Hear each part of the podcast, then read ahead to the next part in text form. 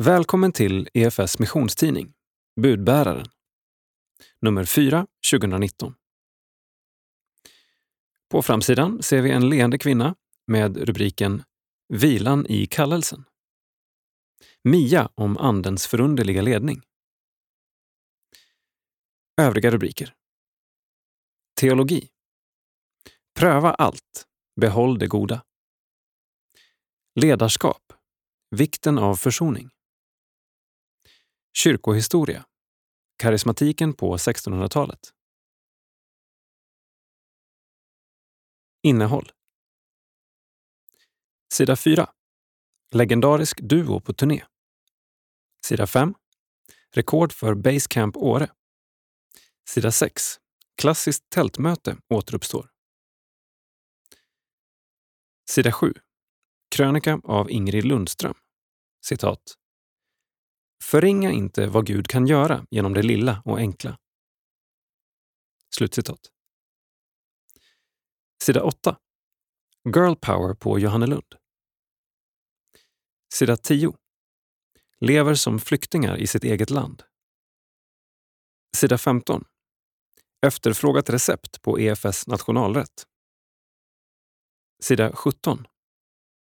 Vi träffar Mia Ström, regional missionsledare för EFS Mittsverige. Sida 24. Lennart Albertsson om ledarskap och försoning. Sida 28. Teologisk reflektion. Olof Edsinger om sin syn på tjänstegåvorna. Sida 32. Teologi.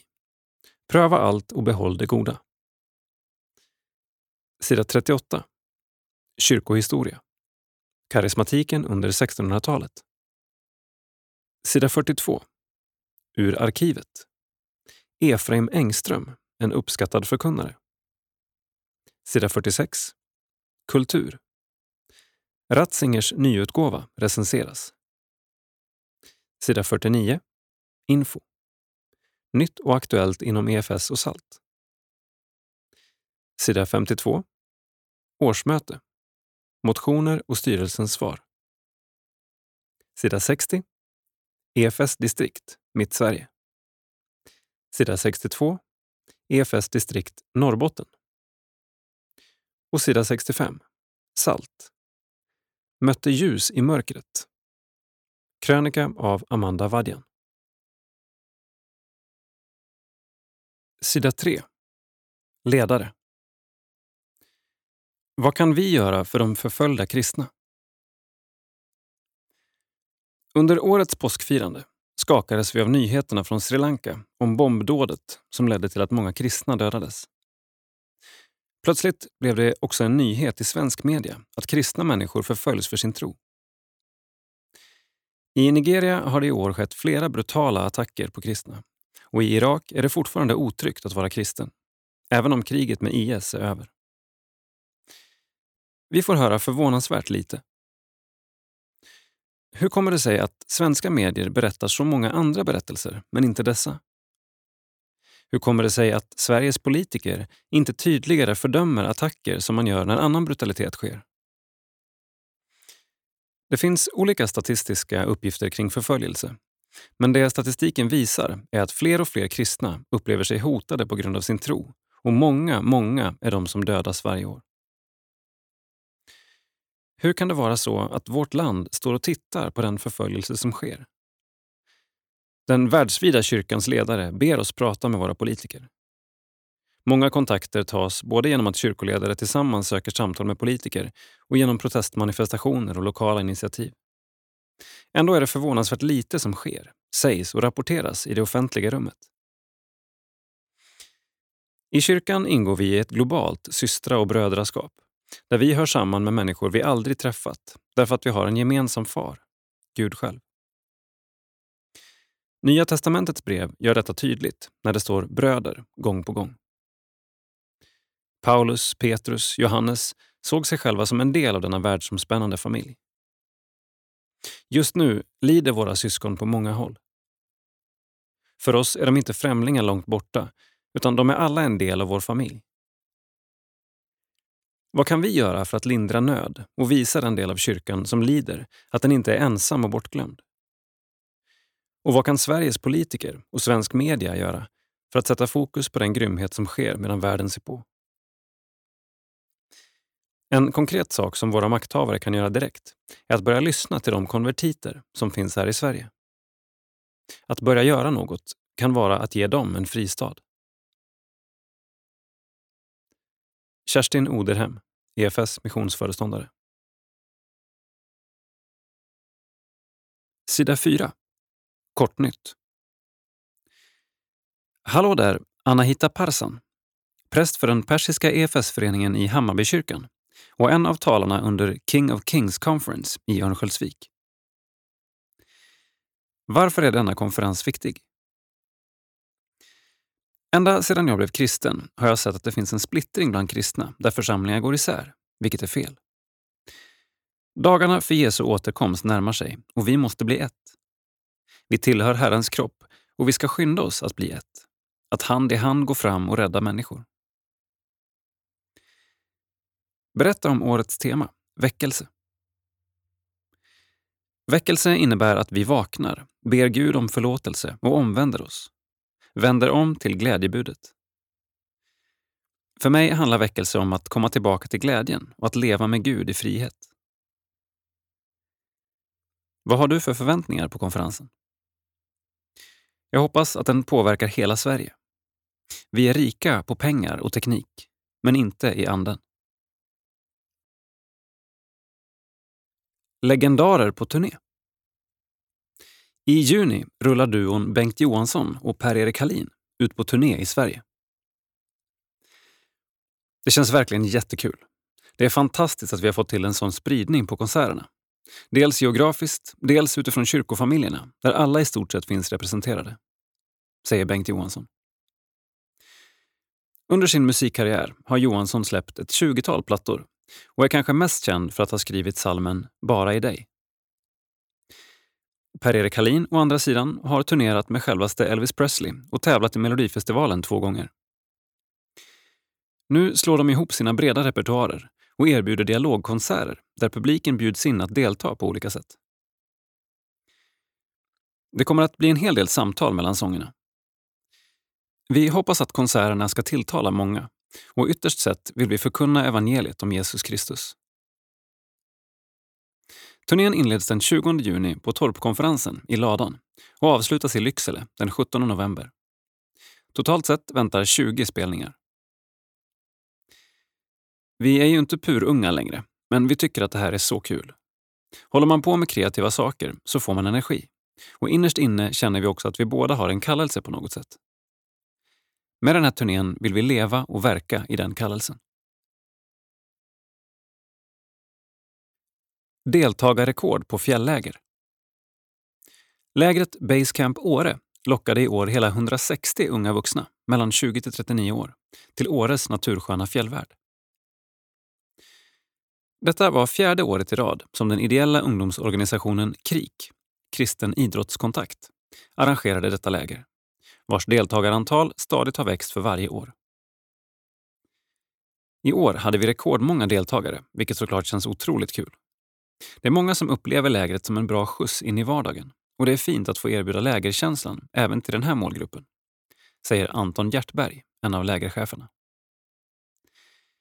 Lägret innehöll aktiviteter som hundspann, kajak, toppur, fjällöpning, klättring, ridning och vandring. På kvällarna hölls gudstjänster i Undersåker kyrka. Att få till ett tema på gudstjänsterna som passar alla är en utmaning då det finns en så stor bredd bland våra deltagare. De kommer från många olika samfund och har alla olika bakgrund och erfarenheter. I år utgick vi från Predikarens tredje kapitel. En utmanande text som talar om att livet har sin gång, med både höjder och dalar. Vi upplevde att den passade bra in på lägret. Redan nu har förberedelserna inför nästa års läger inletts. Vi har samlat ihop intrycken och har en lång förbättringsplan för nästa år. Det finns alltid något nytt att kika på och det är det som gör det så väldigt roligt. KRIK KRIK är en ideell ungdomsorganisation med visionen att skapa idrottsglädje, trosglädje och livsglädje. Sida 6. Nyhet. Klassiska tältmötet återuppstår. Arrangörerna hoppas att 4 000 personer ska samlas för att lyssna till evangeliet. I sommar ska den ambulerande evangelisationskampanjen Det finns hopp besöka tre svenska orter och erbjuda storslagna tältmöten. Förhoppningen är att de tre mötena ska fylla tältet som rymmer 4 000 personer och på så sätt nå ut med evangelium till det svenska folket. Vi upplever att tältmötessatsningarna föddes ur Guds hjärta, säger Oasrörelsens Hans Weissbrott, som är en av arrangörerna tillsammans med Carl Gustav Severin och Sebastian Staxet. Det hela började med att evangelisten och rapartisten Sebastian Staxet fick en vision från Gud där han såg gigantiska tält fyllas med människor som kom till tro på Jesus. Det ligger lite humor i det hela, för det var en relativt nykristen Sebastian som då trodde att tältsatsningar var vanliga.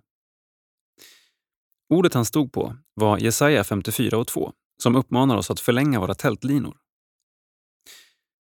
Ovetande som Sebastians vision öppnar jag Bibeln en dag och läser samma bibelord, varpå jag får ett samtal där han berättar om satsningen, förklarar Weissbrott.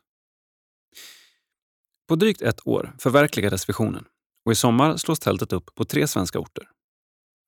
Först ut är tätorten Sävsjö i Jönköping och i ren tältmötesanda förväntar sig Weissbrott väckelse. Jag känner en fascinerande spänning inför mötena. Att 4 000 personer ska samlas för att lyssna på evangelium under ett möte i Sverige är stort. Och vi ska fylla tältet tre veckor under sommaren och återigen 2020 och 2021. Vi är helt klart beroende av Gud. Sebastian Staxet har fått nådegåvan att tala evangelium med sin publik tack vare sin bakgrund. De dörrar som Gud öppnar för honom är en av tillgångarna när vi ska nå ut till folk inför mötena. De lokala grupperna är också viktiga. Inför satsningarna ska det till exempel delas ut presentationer av kristen tro till hushållen. Förberedelserna har bland annat styrts av en ledningsgrupp med Heart of Evangelism i spetsen. Sedan har många volontärer och företag varit engagerade. Det är ett tufft arbete, men alla som är med känner en gemensam glädje, menar Weissbrott. Vi har varit tydliga med att detta är en av många satsningar. Vårt fokus har hela tiden varit att det ska välsigna Kristi kropp som befinner sig runt tälten i orterna. Vi har presenterat satsningen för många präster och ledare som är med på att hjälpa oss att bevara frukten. Sida 7. Krönika. Kanske det är din tur att göra det enkla eller oansenliga, så får Gud göra resten. Skriver Ingrid Lundström. Underskatta inte det enkla.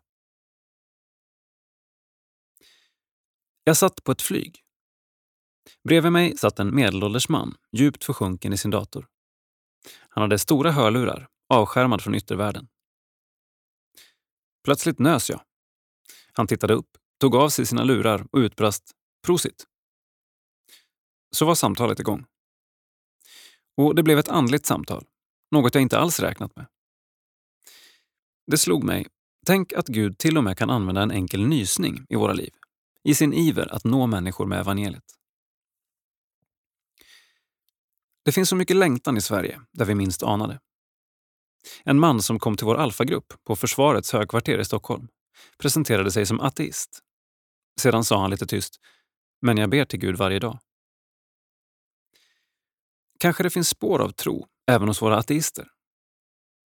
I den nyligen genomförda undersökningen Sveriges religiösa landskap konstaterade föredragshållaren att det endast är 23 procent av befolkningen som inte tillhör en religiös organisation.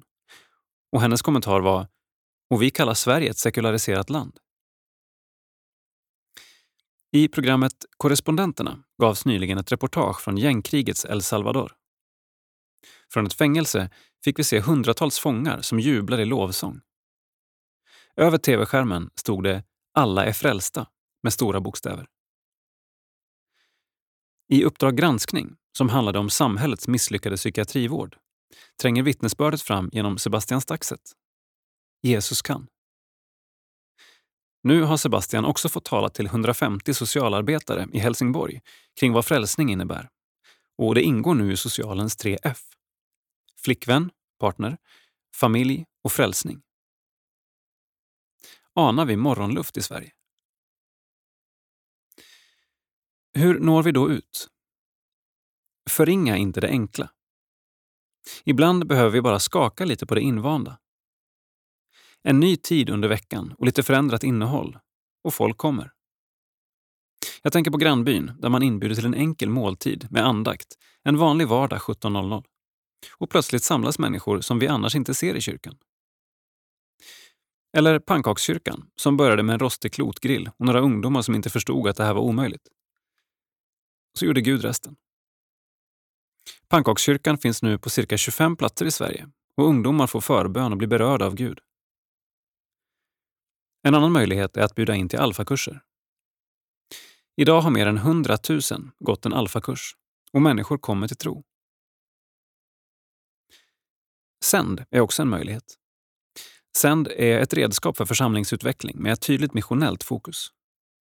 Flera församlingar deltar nu i Sänd runt om i landet. Men det allra enklaste steget är förstås bön. Kan vi någonsin ana vilken påverkan bön har? Tack till alla bönekämpar, speciellt ni äldre, som bär vårt land. Så förringa inte vad Gud kan göra genom det lilla och enkla. De små stegen. Kanske det är din tur att göra det enkla, oansenliga, att förverkliga din tanke. Så får Gud göra resten. Han är sån. Han vill samarbeta med oss, men han tar alltid själv den svåraste delen. Och tänk att Gud till och med kan använda en nysning. Ingrid Lundström, utvecklingskonsulent EFS.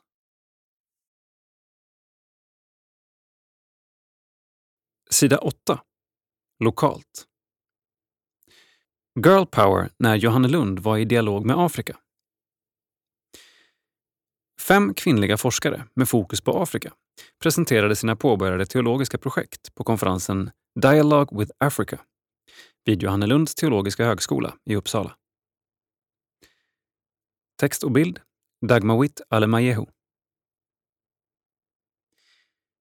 De projekt som presenterades på konferensen hade en stor bredd. Det var ett unikt möte och ett av de första i sitt slag, säger Beth Elnes Hansson, högskolelektor på Johannelund, efter konferensen. Det kvinnostärkande perspektivet fanns, förutom i det faktum att det var fem kvinnliga forskare som presenterade sina doktorandarbeten, även i projekten i sig. Vår konferens handlar om att uppmuntra den vishet och kunskap som afrikanska kvinnor besitter samt att vara en samlingspunkt för interkulturella utbyten, förklarar Elnis Hansson.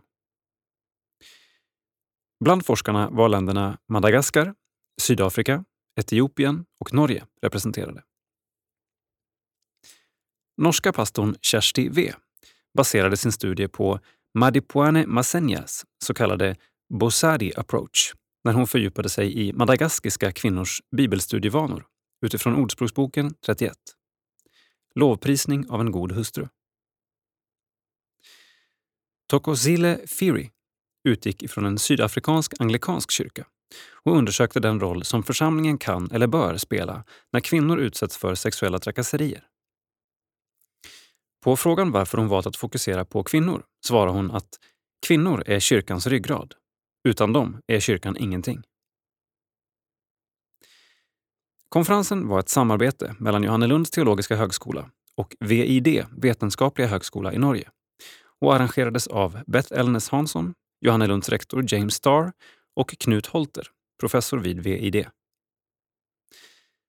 Den sistnämnde kommenterar konferensens betydelse med hänvisning till Johannes vision i Uppenbarelseboken 7 och 9. Vår tids kyrka kommer från och är kallad till att tjäna varje nation, stam, folkgrupp och språk. Och som forskare har vi ett ansvar att dela vår kunskap med kyrkan. Holter är särskilt stolt över att de lyckats sammanföra en sådan bredd på de teologiska projekten. Sofanit T. Abebe och Fanos W. Segaye, båda med etiopisk bakgrund, studerar på ett brittiskt universitet och avhandlar tidig etiopisk teologi i sina akademiska projekt. Abebes arbete omfattar en jämförelse mellan Första Henoksboken och Första Petrusbrevet. Idag används den förstnämnda skriften mestadels i den etiopiska och eritreanska ortodoxa kyrkan. Tsegaye i sin tur fördjupar sig i böner som riktas till Kristus och i Jesu roll som förebedjare, medlare och domare i evangeliska och ortodoxa kyrkosamfund. Det avslutande panelsamtalet landade i att kunskapsutbytena i dagsläget behöver ökas och att vi alla behöver ta tillvara på den kompetens som kommer från den afrikanska kontinenten. Det handlar i hög grad om just utbyte av kunskap. Under panelsamtalet förstärktes även behovet och efterfrågan av afrikanska studier. Studenten Zo Ramiandra Rakotoarison från Madagaskar hade följande reflektioner.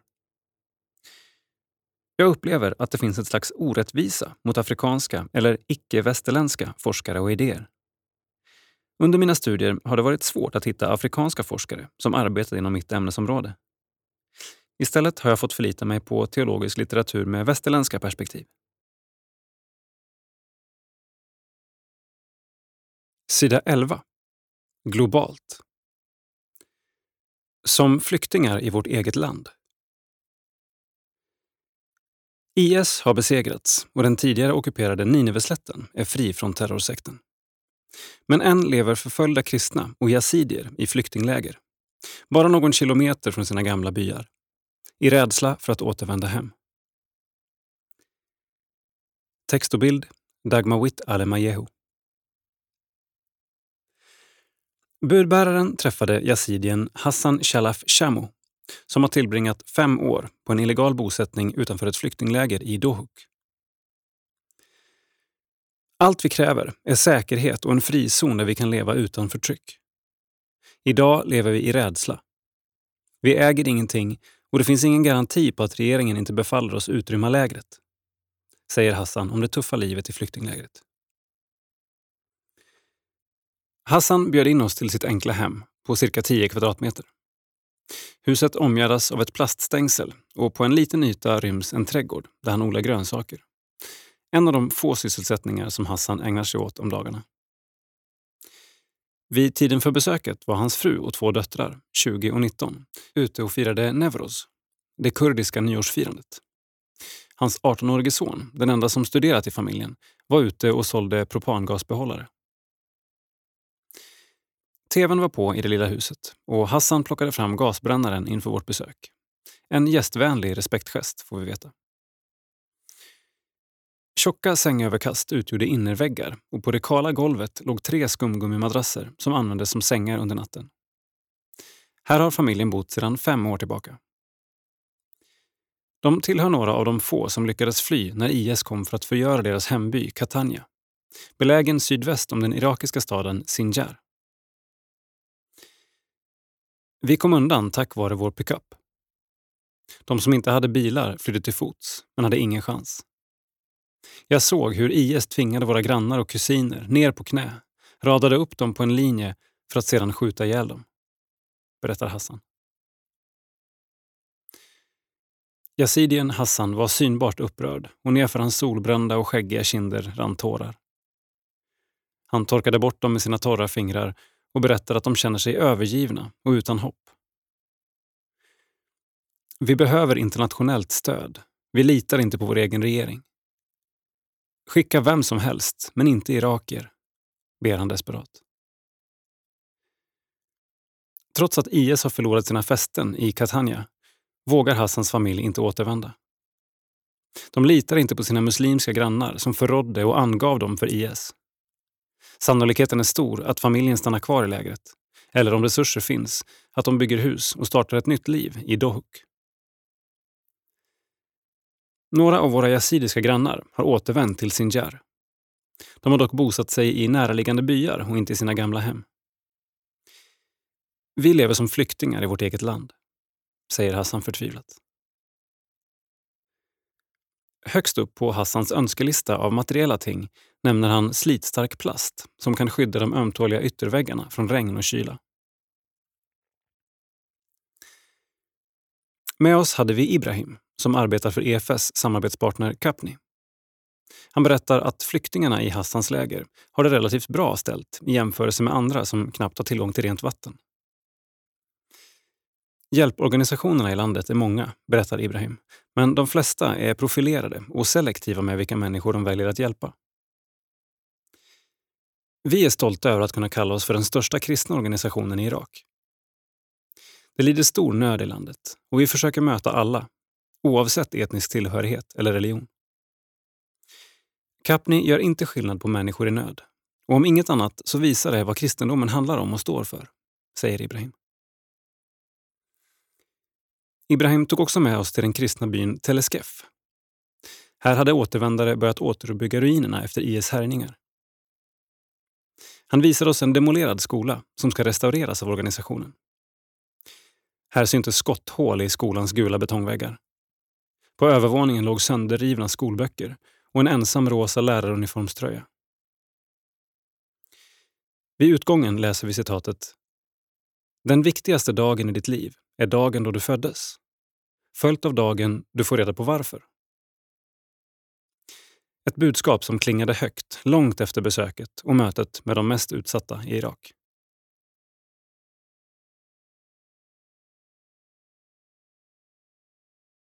Sida 15. Recept. Etiopisk pepparsås brukar vara ett stående inslag i olika EFS-sammanhang och kan anses vara EFS nationalrätt. Men vilka är hemligheterna bakom en lyckad pepparsås? Etiopisk pepparsås. 8-10 personer. 1 kilo köttfärs, nöt. Ett halvt kilo gula lökar. 4 klyftor vitlök. 100 gram smör eller margarin. 2-3 matskedar berbere 2-3 matskedar tomatpuré, en tesked ingefära, 1-2 teskedar salt, ett kryddmått svartpeppar, 6-8 deciliter vatten. Bryn finhackad gul lök i matfettet tills den blir gulbrun och mjuk, cirka 10 minuter. Tillsätt lite vatten vid behov. Dosera berbere efter smak. Blanda i berbere och tomatpuré. Fortsätt att bryna i cirka 20 minuter under omrörning. Skala och finhacka ingefära och vitlök. Tillsätt och rör om. Bryn köttfärs i en panna för att få grynig konsistens. Häll ner köttet i såsen och rör om ordentligt. Späd med resten av vattnet, smaka av med salt och peppar och koka grytan på medelstark värme med lock i cirka 30 minuter. Rör om då och då. Såsen är färdig när allt skum kokat bort från ytan. Servera med injera, ris eller på formbröd. Kan på klassiskt EFS-vis toppas med bananskivor. Sida 16. Tema karismatik. Mia mitt i livet.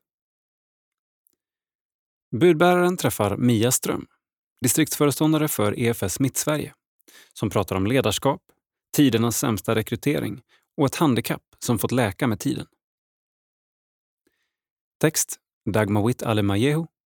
Bild Johan Eriksson. Mia Ström möter oss tio minuter före avtalad tid utanför Betlehemskyrkan i Stockholm. Vi kliver in i den svala byggnaden belägen på en av Stockholms mer trafikerade områden på Rådmansgatan och lämnar vårsolen bakom oss. Det vilar ett anmärkningsvärt och smittsamt lugn över Mia. Och när vi sätter oss ner för att prata följer samtalsrytmen hennes stillsamma puls. I år har hon varit distriktsföreståndare för EFS Mittsverige i fem år och känner sig varm i kläderna. Men när hon tog sig an rollen möttes hon av en oväntad utmaning. Jag var inte medveten om att spänningarna i föreningarna var så stora när jag började. Det handlade om teologi, synen på ledarskap och saker som om man skulle sjunga salmer eller lovsånger.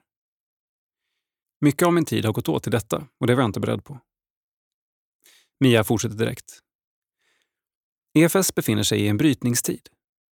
Det finns en del spänningar i vår olika syn på organisation. Dels de som vill slippa formaliteten kring styrelser och föreningar. Dels de som menar att det är just det som värnar om demokratin. När demokratin blir svag bildas ett vakuum och i det vakuumet kan vad som helst tränga sig in. Det har jag sett under den här tiden. Det kommer in krafter som vill styra på ett auktoritärt sätt, där man har en väldig tilltro till den starka ledaren. Gärna med förtecken av att denne har en direkt kontakt till Gud. Både i ett läge där starkt ledarskap efterfrågas och där det motarbetas finns det ofta en koppling till en viss typ av teologi, menar Mia. Gränserna mellan samfund kan skilja sig teologiskt, men det finns en kulturell skillnad också som vi inte riktigt har bejakat. Folk från exempelvis frikyrkosammanhang kan ta för givet att pastorn har ett stort andligt ledarskap och mandat att leda verksamheten. Så är nödvändigtvis inte fallet i en EFS-förening. Den traditionen har vi inte idag, även om vi kan se att vissa personer haft otroligt stark ställning. Exempelvis Rosenius. Mia berättar vidare om sitt eget intåg i missionsrörelsen. Man är väl inte EFS-are om man inte är det fem generationer tillbaka, säger hon med glimten i ögat och fortsätter. Jag är inte infödd EFS-are. Däremot har EFS varit en del av mitt liv sedan tonåren. Jag var med när Akalla-kyrkan byggdes under 1970-talet. När jag skulle konfirmeras i Dalarna ramlade prästen och bröt benet och då blev konfirmationen inte av. Istället fick jag veckoläsa i Spånga församling under ledning av en präst som hette Stig Jonsson. En EFS-are som varit missionär i Etiopien. Stig tyckte synd om oss som skulle veckoläsa, så vi fick åka till Olsnäsgården och vara med en vecka på deras sommarkyrka. På den vägen hamnade jag i EFS. Trots att Mia inte växte upp i ett kristet hem var hon övertygad om Guds existens. Den helige Ande har alltid varit viktig för mig. När jag var barn tänkte jag inte i just de banorna eller termerna, men nu i efterhand kan jag se den helige Andes vägledning i mitt liv. Vårt samtal, som hittills präglat av skratt och lätthet, tar en mer allvarlig vändning när Mia talar om sin barndom. Jag är adoptivbarn, säger Mia och blickar upp. Under min uppväxt hade mina föräldrar ett komplicerat förhållande till kyrka och tro och de var måttligt roade över mitt engagemang i EFS. Det var tack vare min kompis som jag gick i söndagsskola.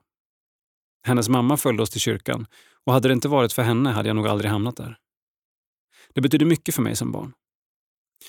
Då tänkte jag, om ingen annan älskar mig så gör Gud det. Guds löfte om barnaskapets ande för sina barn gör sig påmint när Mia berättar om övertygelsen om Guds kärlek.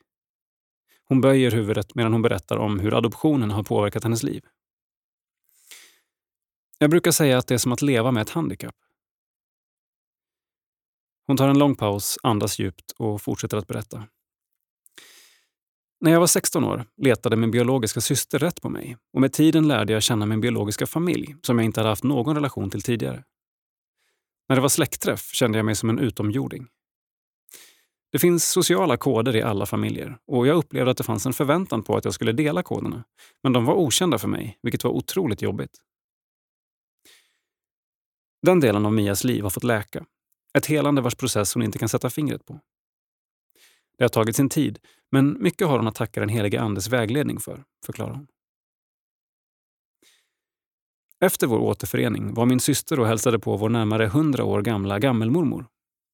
Min syster berättade för henne att hon hade letat rätt på mig och då svarade hon Ja, det vet jag vem det är. Henne har jag bett för varje dag. Det är värdefull information för mig som jag och vår gammelmormor lika gärna aldrig kunde ha fått veta. Men det är ett sånt typiskt exempel där den heliga ande verkade.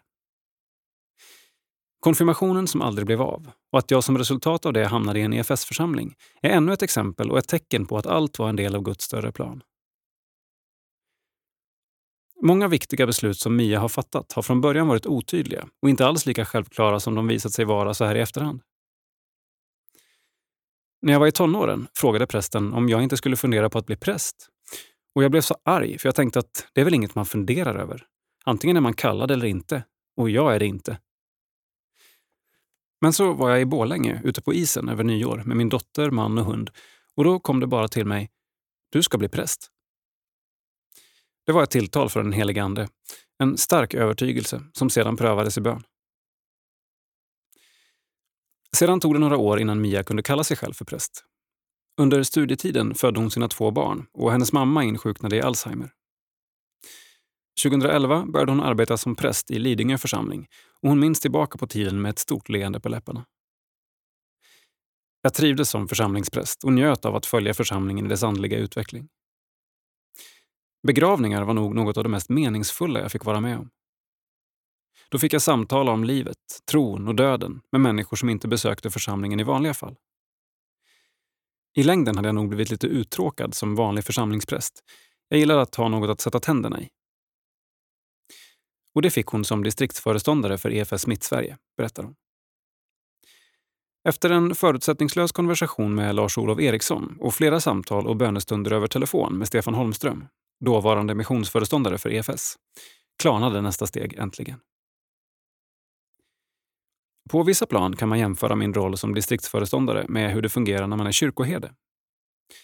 Sen är det en balansgång mellan vad som är ren administration och vad som handlar om andligt ledarskap. I slutändan är det en fråga om resurser och EFS blir allt mer resurssvagt. Det är färre som vill och kan engagera sig i styrelser, utskott och verksamhet, vilket gör att mycket knyts till expeditionen. Då blir det andliga och strategiska ledarskapet lätt lidande, vilket är olyckligt. Mia berättar att hon stött på både den auktoritära ledaren som kör över folk och den superdiplomatiska, lite svagare ledaren som lätt blir överkörd. Beroende på vilket håll man drar åt kan det antingen bära eller brista. Som ledare och präst har man ett stort ansvar eftersom man alltid blir en frontfigur. När ledare faller är det viktigt att det finns människor runt omkring som kan rycka in och agera både för församlingens och ledarens bästa. Men minst lika viktigt är att det finns nätverk runt en ledare som både kan stötta och förmana. För att inom kyrkan förebygga svackor och förhindra att gamla sår ska påverka ett framtida ledarskap menar Mia att man behöver arbeta strategiskt redan under prästutbildningen. Jag skulle önska att det var obligatoriskt för alla som prästvigs inom EFS att gå i egen själavård. Den som inte själv är beredd att både dela och ta emot vägledning kan inte leda andra. Vi bär också alla med oss mycket som lagrats, både av egna erfarenheter och av brist på erfarenheter. Då är det lätt att det blir krockar. En hel del problem mellan ledare och församling skulle säkert kunna förebyggas med själavård. Bakom varje framgångsrik ledare brukar det finnas ett nätverk av människor, förebilder och mentorer, som har agerat som stöttepelare. Men inte i Mias fall. Jag har aldrig varit en idolälskare, men det finns egenskaper i människor som jag ser upp till.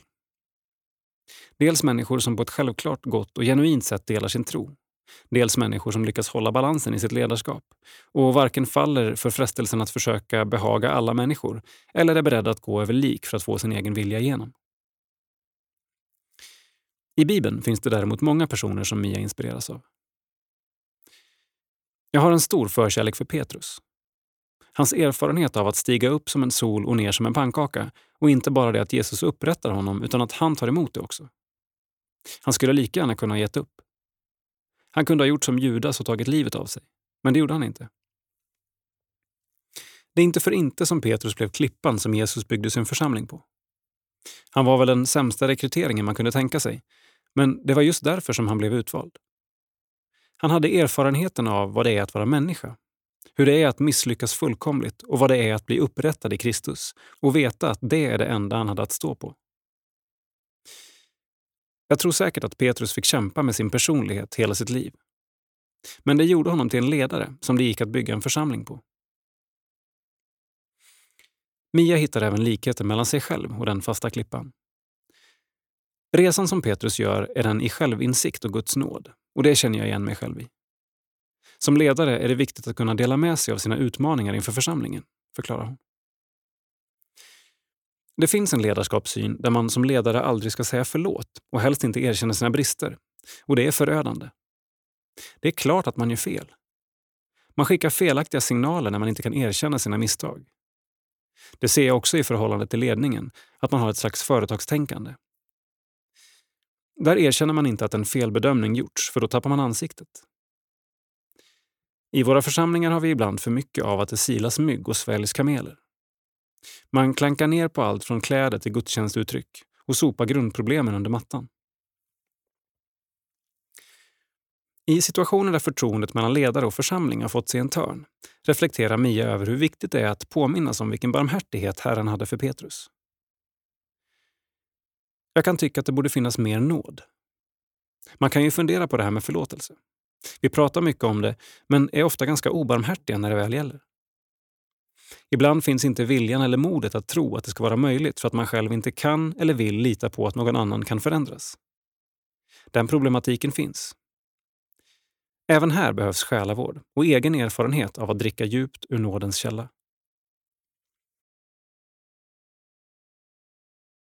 Mia Ström. Familj, man, två barn och har precis blivit mormor. På fritiden gör jag helst rider, går i skogen med min hund, läser, åker till torpen och umgås med familjen. Favoritbok? Sagan om ringen. Jag drömmer om att vi ska få en organisation som möjliggör att vi på ett gott sätt kan ta tillvara på demokratins värden, på vår mission, vision och på den nya tidens engagemang.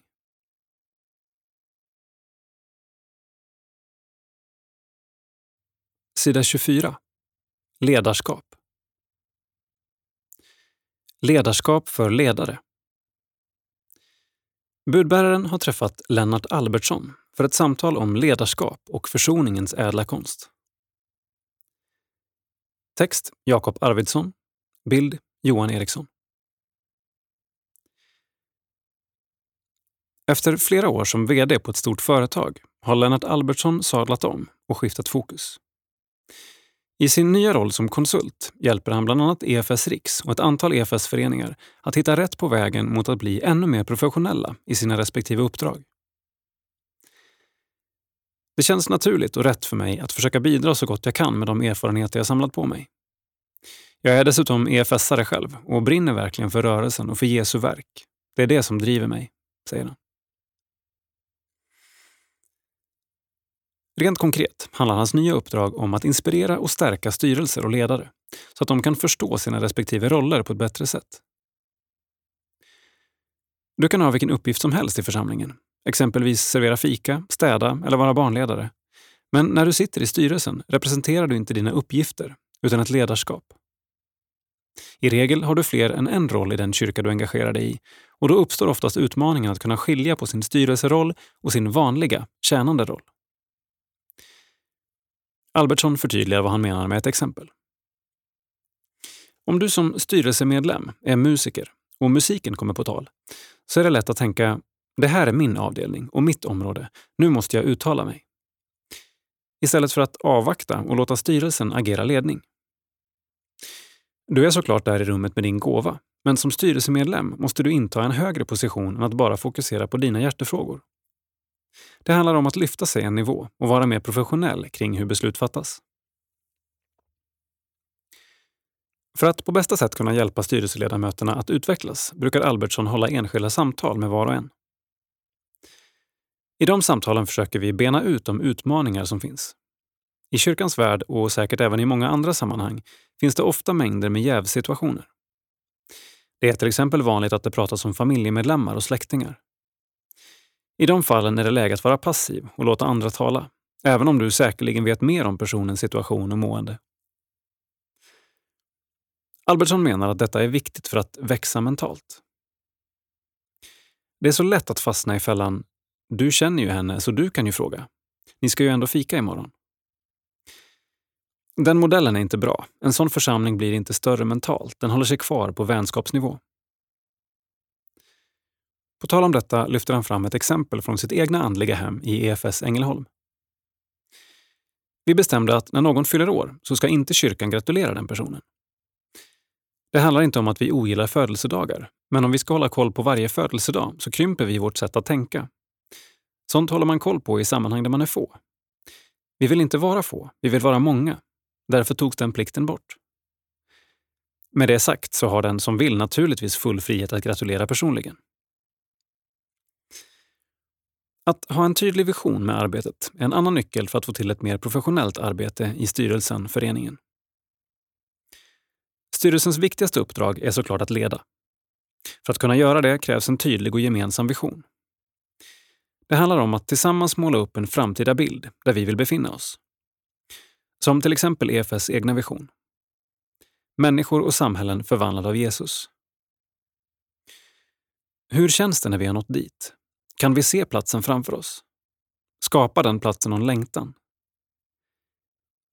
Vägen till förbättring är dock inte alltid smärtfri, utan snarare tvärtom. Invanda mönster kan ofta sitta hårt innanför väggarna och det brukar lite skämtsamt talas om det elfte budet. Så har vi alltid gjort. Och det tolfte budet. Så har vi aldrig gjort. För att bryta dessa mönster och bjuda in för nya tankar krävs både självrannsakan och mod att våga möta konflikter. Jag pratar gärna om de fyra F-en. Försvara, förklara, förstå och förlåta. För att nå fram till det fjärde F, förlåtelsen, krävs det att man går igenom de olika faserna. Det är först när vi tar motpartens perspektiv till vårt hjärta och kanske inser hur illa vi betett oss som försoningen och förlåtelsen kan komma in i bilden. Väl vid den punkten är det heller inte över, utan då startar nya processer och en ofta smärtsam bearbetning kan påbörjas. Det må vara smärtsamt, men jag tror inte det är tänkt att det ska vara så enkelt heller. En förlåtelse som lättvindigt åberopas är förmodligen inte så mycket värd. Men när det känns, när hela kroppen går in i det, då vet man att det är på riktigt. Lennart Albertsson. Ålder 56 år. Kyrkligt aktiv i EFS Ängelholm. Familj. Gift med Agneta sedan 1985. Tre vuxna barn. Fick första barnbarnet i januari. Två barnbarn till på gång. Intressen. Musik och att leda lovsång ligger verkligen på mitt hjärta. Drömmer om.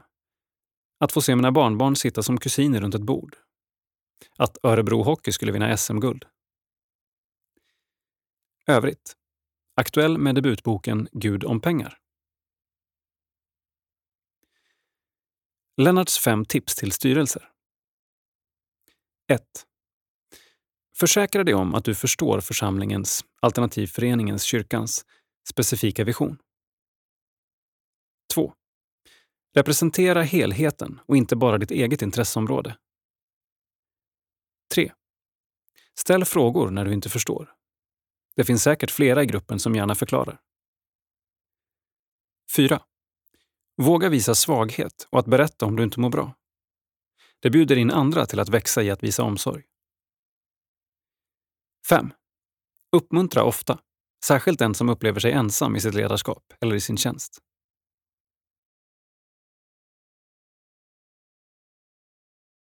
Sida 28. Teologisk reflektion. Alla de fem tjänsterna behövs. Enligt Olof Edsinger manifesteras fem olika aspekter av Jesu personlighet i den kristna kyrkan genom apostelns, profetens, evangelistens, lärarens och herdens tjänst. Text Olof Edsinger.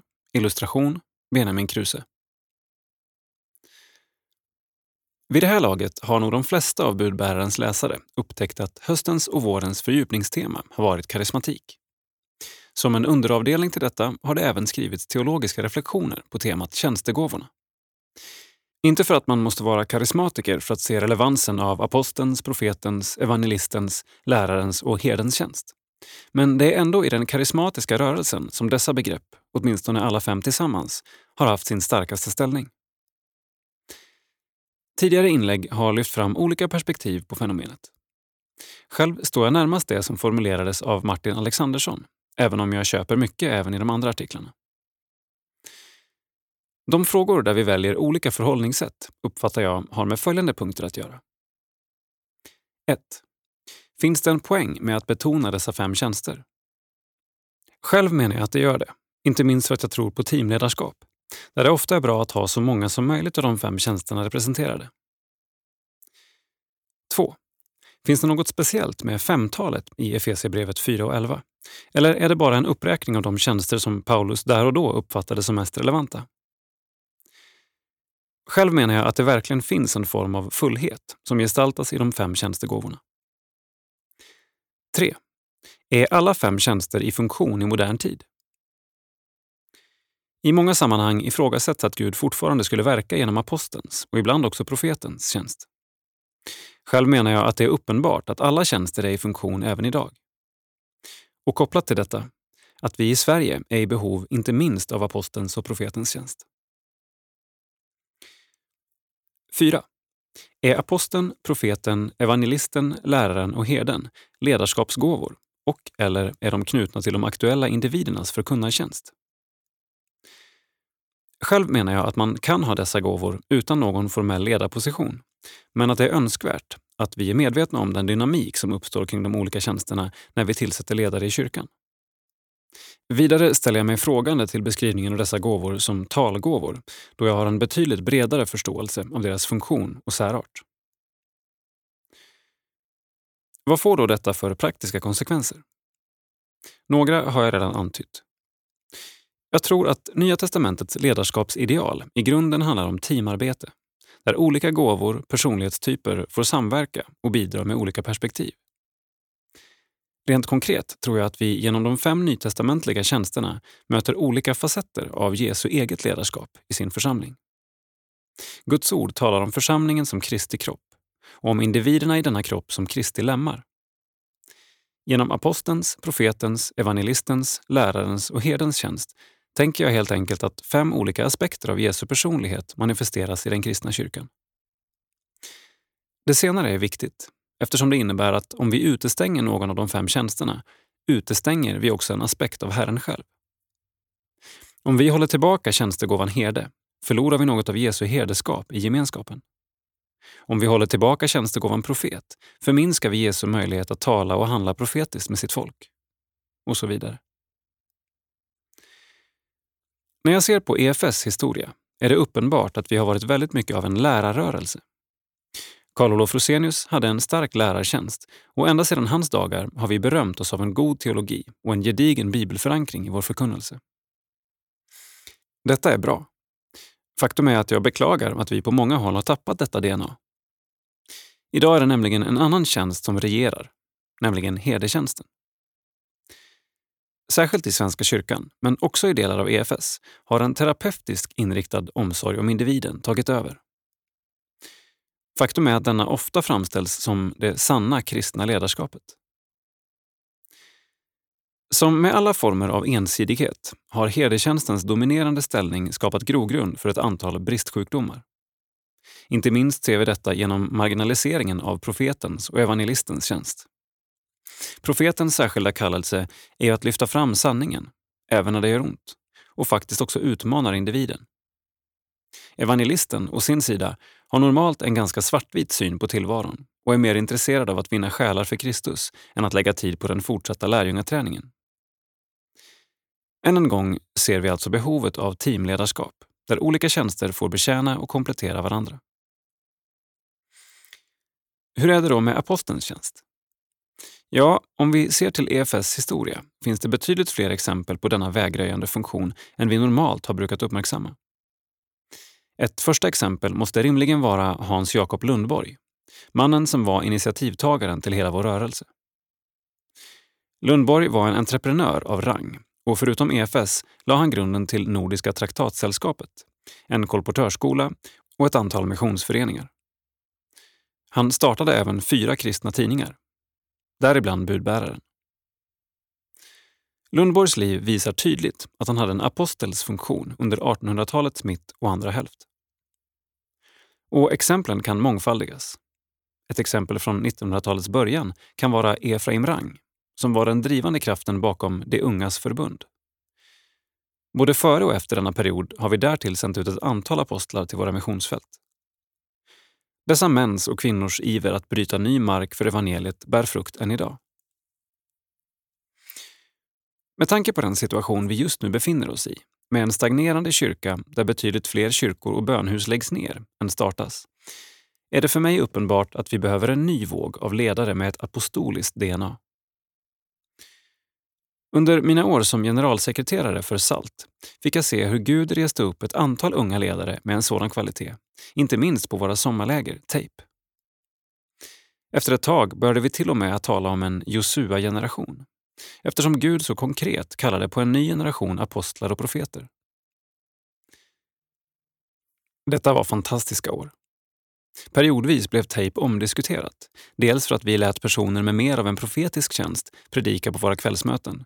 Dels för att vi öppnade för en mångfald av karismatiska uttryck. Vi lät helt enkelt inte bara herdetjänsten lägga ribban för hur våra gudstjänster skulle vara uppbyggda. Men till följd av detta fick vi också se fantastiskt mycket frukt. Många av de ledare som fick en växtplats på lägren är fortfarande viktiga i vår rörelse.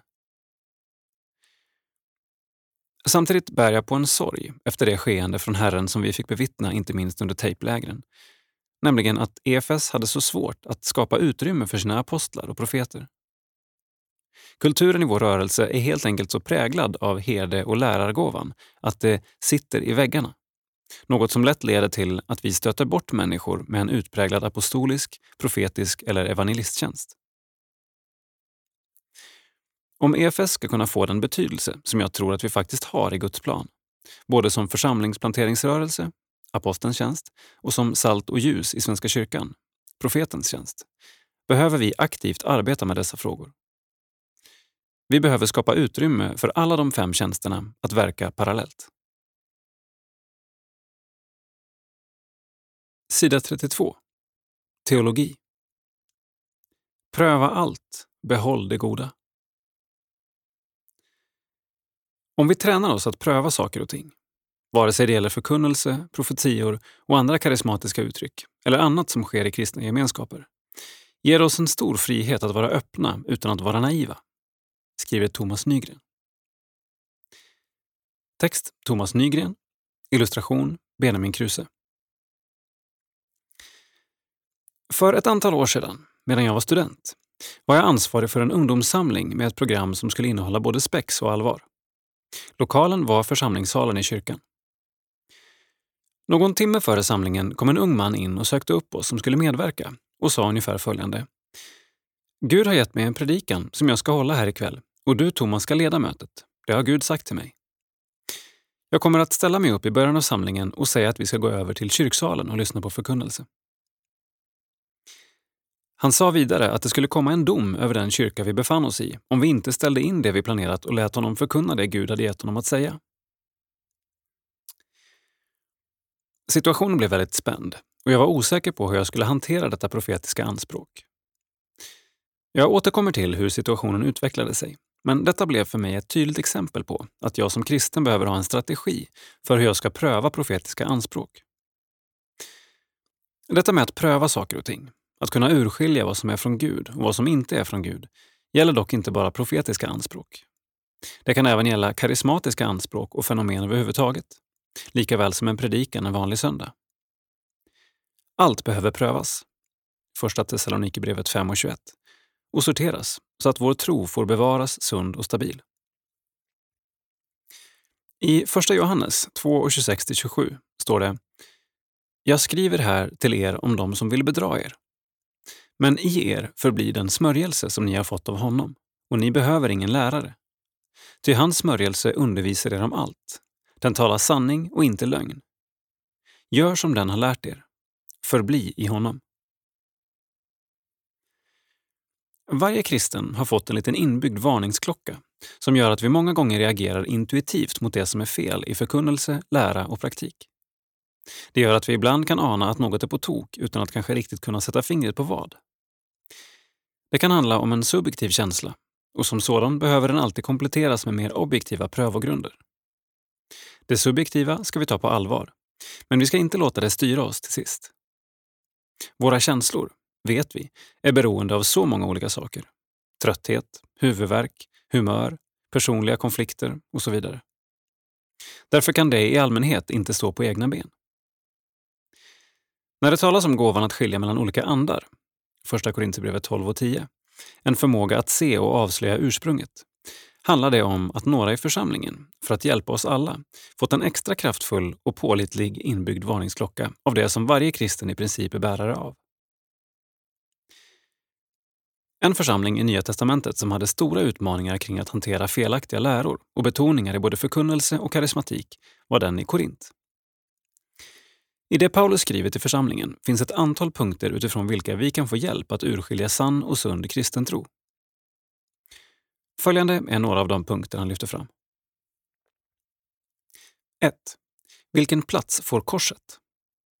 Första Korinthierbrevet 1 och 18 till 2 och 5. Paulus ägnar stora delar av första och andra kapitlet i Första Korinthierbrevet åt att beskriva vad som är centrum i det kristna budskapet. Korset, den korsfäste Kristus. Det leder oss till testfrågan. Vilken plats har korset? Förnekas korset direkt eller indirekt? Beskrivs exempelvis korset som något för barnastadiet i den kristna tron och inget för den fullvuxne, mogne kristne? Glöms korset bort och ersätts av vishet, hemlighetsfulla spekulationer eller kraftgärningar och under och tecken som centrum? Nedtonas människans svaghet och synd, den som gör att korset behövs? Problemet finns inte bara när korset direkt förnekas, utan också när det inte får vara siktpunkten, vad än i Guds rike som behandlas. Förkunnelse kan därmed bli fel, även om det som sägs i sig är sant men inte är möjligt att relatera till korset på ett naturligt sätt. Allt i Guds rike är korsmärkt. Det är ingen slump att bortåt hälften av evangeliernas berättelser om Jesus handlar om Jesus sista vecka. Att fokus inte är lika mycket på vad Jesus sa som på vad han gjorde. Frälsningen på korset. 2. Vem binds jag till? Första Korinthierbrevet 3 och 4-7. I Korint ledde förkunnelsen till att man bands till olika personer mer än till Kristus. Och då handlade det till och med om personer som i sig stod för en sund förkunnelse, som Paulus till exempel. Förkunnelse och praxis i församlingarna som lyfter fram andra än Kristus blir osund. Speciellt om en förkunnare eller ledare lyfter fram sig själv eller ser till att få all avgörande auktoritet. Den som i något sammanhang stöter på budskap av typen ”Så säger Herren, följ denne min tjänare i allt så blir ni välsignade. Förbannad blir den som kritiserar min utvalde bland er.” Gör klokt i att dra öronen åt sig. Ett exempel på en uppenbarelse som bar alla tecken på att binda upp människor på felaktiga grunder kom 1987 då en välkänd amerikansk förkunnare i tv i en uppmaning till givande till den organisation han hade, sa att Gud sagt till honom att om han inte samlade in 8 miljoner dollar inom en viss tidsperiod skulle Gud kalla hem honom. Förkunnelse, andliga gåvor eller församlingspraktiker som leder till att vi binds till andra människor och inte till Jesus Kristus är osund och leder i förlängningen fel. 3. Vilken plats får skriften? Första Korinthierbrevet 4 och 6. Paulus vill lära församlingen i Korint vad som menas med uppmaningen “håll er till skriften”. Vad betyder det ur ett vidare perspektiv att hålla sig till skriften? Det är uppenbart att det inte handlar enbart om att kunna citera och belägga saker med enstaka bibelord. Sekter, som exempelvis Jehovas vittnen, citerar mängder med bibelord för att styrka sin sak. Med hjälp av lösryckta bibelord från Bibelns sammanlagt 35 690 verser kan man bevisa snart sagt vad som helst. När vi ska hålla oss till skriften handlar det snarast om det som uttrycks i Psaltaren 119 och 160 med orden “Summan av ditt ord är sanning”. När Jesus i mötet med vandrarna på väg till Emmaus skulle visa dem det bibliska i det som hänt honom står det “Och med början hos Mose och alla profeterna förklarade han för dem vad som står om honom överallt i skrifterna.” Lukas 24 och 27. Att något är bibliskt innebär att det går att förena med Bibelns budskap som helhet. Att det stämmer med Bibelns skapelselära, frälsningslära, etik och så vidare. Det är för att hjälpa oss i detta som kyrkan genom sin historia tagit fram olika typer av sammanfattningar av den bibliska tron i form av trosbekännelser och katekeser. Denna typ av prövning av budskap och förkunnelse förutsätter att vi är läsare, umgås med Bibeln i dess helhet och inte enbart läser och tar till oss efterrättsverserna som smakar gott på en gång. Då kommer vi varken att ha verktyg eller träning för att se om något får för stor eller för liten plats i den kristna tron, om något är felaktigt eller till och med andligt skadligt. Ett exempel på betydelsen av att kunna pröva saker ur ett bibliskt perspektiv kan vara den så kallade JDS-läran, Jesus died spiritually, Jesus dog andligen, som dök upp för ett antal år sedan i vissa karismatiska kretsar och hävdades vara den djupaste hemligheten i en kristen människas auktoritet. JDS-läran utvecklades av en amerikansk förkunnare som hette Kenyon utifrån en uppenbarelse han hade fått, där han hade sett att den egentliga försoningen inte skedde på korset utan i helvetet, där Jesus dog andligen och blev besatt av den onde. På tredje dagen besegrades den onde genom att Fadern sände den helige Ande som steg ner till helvetet för att där föda Jesus på nytt. Problemen med denna lära var flera. Bland annat förutsatte den en syn på människan som var klart förandligad. Jag är en ande, har en själ och bor i en kropp. Jämfört med Bibelns syn, som snarare är holistisk, där ande, själ och kropp hör mycket nära ihop med varandra. Denna syn, är ande, har själ, bor i kropp, på vad en människa är, innebar i förlängningen att Jesus kroppsliga död inte var nog, eftersom människan egentligen är en ande. Man måste därför komplettera Jesu död och fylla ut försoningens innebörd på något sätt, vilket i detta fall egentligen tömde korset på dess kraft. När Jesus på korset sa ”det är fullbordat” var det utifrån detta synsätt egentligen inte alls fullbordat. Förkunnelse, gåvor och församlingspraxis som gör att Bibelns budskap blir skevt, otillräckligt eller inte går att förena med en ansvarig bibeltolkning ska vi inte ta till oss. 4. Försöker man under andliga förtecken otillbörligt styra mina vardagsval? Första Korinthierbrevet 10 och 23-33. Det handlar här inte om lärofrågor. Det handlar inte heller om frågor av etisk typ, vad som är rätt och fel i moraliska frågor. I sådana frågor finner vi mycket vägledning i Bibeln. I Korint förkunnades vad en kristen fick äta och inte fick äta på ett sådant sätt att människors samveten bands, istället för att i sådana frågor vara styrda av hänsyn till medmänniskor. Vardagens olika val ska inte styras av förkunnelse eller profetior. I Nya testamentet ser vi inga profetior som direkt begränsar och styr vardagens val för den enskilde kristne. Vi ser där inga profetior som säger exakt vem man ska gifta sig med, vilken försörjning man ska ha och så vidare. Visst kan Gud genom sin ande leda i sådana frågor, men då gör han det i så fall direkt till den enskilde. Budskap och profetior kan här på sin höjd fungera bekräftande på något Gud redan gett till mig som enskild. I detta ligger Guds visa säkring mot sekterism. Enskilda ledare eller förkunnare ska genom sina anspråk inte gå in och börja detaljstyra människors liv. 5. Finns kärlek? Första Korinthierbrevet 13 och 1-2. Även om en profetia eller en förkunnelse skulle vara sann är det ingen garanti att den är från Gud. Förutom sanning behöver den även bära den kärlek som bygger upp.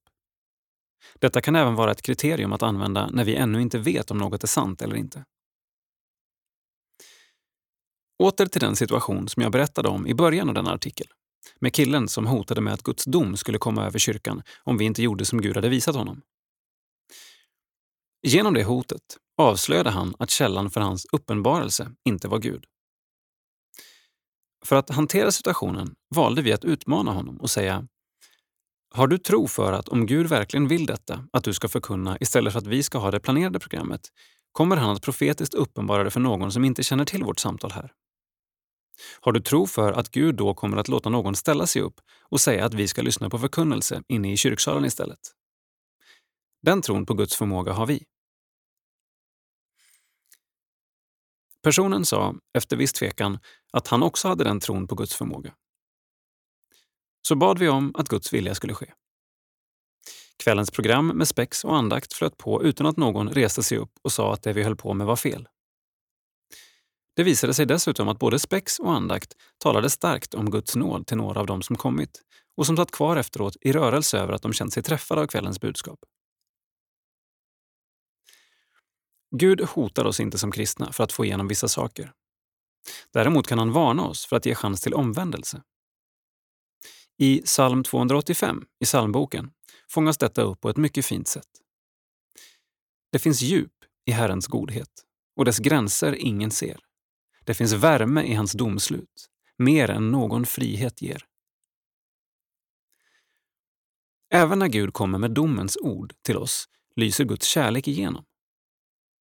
Gud vill här i tiden alltid ge en ny chans. I Guds kärlek finns alltid öppenhet och frihet att ställa frågor. Kärleken som kriterium är inte enbart viktigt när vi prövar förkunnelse, budskap och andliga fenomen i sig. Det är även viktigt att vi låter kärleken leda oss så att vi inte förkastar den person som förkunnat eller framburit ett helt eller delvis felaktigt budskap. Det är viktigt att skilja på sak och person. Det är precis det Gud gör med oss. Älskar oss fast vi kan göra det som är fel. Den kärleken kan vi bara hämta hos honom som är kärlekens källa. Om vi tränar oss att pröva saker och ting, vare sig det gäller förkunnelse, profetior och andra karismatiska uttryck, eller annat som sker i kristna gemenskaper, ger det oss en stor frihet att vara öppna utan att vara naiva, att vara nyanserade utan att vara kategoriska. Det ger oss en trygghet och hjälper oss till sist att hålla oss till Kristus. Mina får lyssnar till min röst och jag känner dem och de följer mig. Jag ger dem evigt liv och de ska aldrig någonsin gå under och ingen ska rycka dem ur min hand. Vad min fader har gett mig är större än allt annat och ingen kan rycka det ur min faders hand. Johannes 10 och 27-28. Sida 38. Kyrkohistoria. Karismatik under 1600-talet. När i historien, efter kyrkofädernas tid, finner vi för första gången belägg för att större grupper av människor talat i tungor, profeterat eller uttytt tungotal? Faktum är att det sker från senare delen av 1600-talet. Text Torbjörn Aronsson. Bild Wikimedia. De första pentekostala rörelserna uppstod parallellt med och som en del av de protestantiska väckelserörelserna under 1600 och 1700-talen. Väckelserörelserna ifrågasatte inte den protestantiska lärogrunden, men väl oförsonligheten, de teologiska lärostriderna och den andliga torkan i den protestantiska ortodoxin under samma tid. Läran borde leda till liv och erfarenhet istället för att bli ett mål i sig eller ett redskap för politiska och religiösa maktambitioner. Syndakännedom, pånyttfödelse, helgelse, troendes gemenskap, barmhärtighetsgärningar och mission blev viktiga teman i väckelserörelsernas förkunnelse. De första väckelserörelserna finner vi i Nederländerna och Storbritannien, följt av Tyskland. Mest känd av dessa är pietismen. Den uppstod i Tyskland under 1670-talet under ledning av Philipp Jakob Spener, 1635 1705, som med sin skrift Pia Desideria, fromma önskningar, skisserade en ny reformation där liv och erfarenhet sattes i centrum. Pietismen föregicks av och påverkades av en rörelse i England som brukar kallas puritanerna. Puritanerna fick sitt namn från sina krav på att den anglikanska kyrkan borde renas ytterligare i fråga om gudstjänstens och gudstjänstrummets utformning, kyrkostyrelsen med mera. Puritanerna var bibelcentrerade och bidrog med nya innovationer till den protestantiska kristenheten. Frikyrkotanken, den moderna baptismen och en positivare syn på det judiska folket har sitt ursprung hos dem. Tusentals puritaner emigrerade till de brittiska kolonierna i Amerika och kom där att lägga grunden för det som senare skulle bli USA. Hos puritanerna finner vi för första gången teologer på protestantisk mark som hävdar ett dop i den helige Ande, innebärande en särskild erfarenhet av den helige Ande efter dop och pånyttfödelse. I puritanernas kalvinistiska teologi var pånyttfödelsen ett suveränt verk av Anden och puritanerna sökte ständigt efter frukter av Anden i det egna livet som tecken på pånyttfödelsen. Framträdande puritanska teologer som John Owen 1616 83 och Thomas Goodwin 1600 1680 berättade i sina skrifter om livsförvandlande upplevelser de haft av Anden. De upplevelser av Anden de beskrev handlade om möten med Guds kärlek och glädje på ett sätt som stärkte deras frälsningsvisshet. De kallade dessa erfarenheter Andens insegel, eller dopet i Anden. Samtidigt med puritanerna, och som en av dess radikala avknoppningar, fanns kväkarna. Rörelsens anhängare kallade sig själva Vännerna, men fick av belackarna namnet Kväkarna på grund av de skakningar, quakes, som ibland åtföljde deras upplevelser av anden. Vid mitten av 1600-talet blev de den mest omtalade rörelsen i England. De var delvis en reaktion mot den reformerta predestinationslära som många puritaner hävdade, men också mot de lärostrider och politiska konflikter som puritanerna var inblandade i. Kväkarna leddes av George Fox, 1624 till 91. En hantverkarlärling som hävdade att han var kallad av Gud att återföra kristenheten till rätt väg. Fox fick stora skaror av anhängare och hans förkunnelse följdes av dramatiska ting. Det finns rapporter om helanden, mirakler och ovanliga manifestationer vid hans förkunnelse. Kväkarnas möten var centrerade kring Andens tilltal, men tungotal och uttydning av tungotal verkar inte ha förekommit i någon större omfattning. Kväkarna skulle kunna beskrivas som en slags protopentekostal rörelse. I kväkarnas gudstjänster spelade Andens ledning en viktig roll och Anden kunde tala genom vem som helst, män såväl som kvinnor, i enlighet med Första Korinthierbrevet 12. Som resultat av detta utvecklades kväkarnas gudstjänster till att enbart vänta på Anden. Allt annat i gudstjänstlivet kom att sorteras. Det gällde dop, nattvard, kyrkliga ämbeten, förberedda predikningar, textläsning, utbildade predikanter, liksom formell kyrkoorganisation och kyrkobyggnader. Fox hade ingen genomtänkt teologi och försökte initialt inte organisera de nyomvända. För att motverka individualism, splittring och avfall predikade Fox om de kristnas inbördes kärlek och gemenskap. Som ett resultat växte olika gemenskapsformer fram bland kväkarna. Den första stora andeutgjutelsen sedan urkyrkans tid, innebärande att en större grupp människor talade i tungor och profeterade, inträffade bland förföljda protestanter i Frankrike under 1600-talets sista decennium. Från Frankrike spreds denna pentekostala väckelse till bland annat Tyskland och England. Dessa franska protestanter kallades kamisarderna efter de blå skjortor som de använde, eller sevenner-profeterna efter den bergskedja i sydöstra Frankrike dit de tagit sin tillflykt. De franska protestanterna hade efter 1598 religionsfrihet inom vissa bestämda gränser. Religionsfriheten upphävdes år 1685 av den franske kungen, Ludvig XIV. Protestanterna blev tvungna att avsvärja sig sin tro eller drabbas av straff. Cirka 400 000 av de franska protestanterna gick i exil i andra länder i norra Europa. Alla protestanter gick dock inte i exil. Ett antal tusen av dem flydde upp i en bergskedja i södra Frankrike, Cevennerna.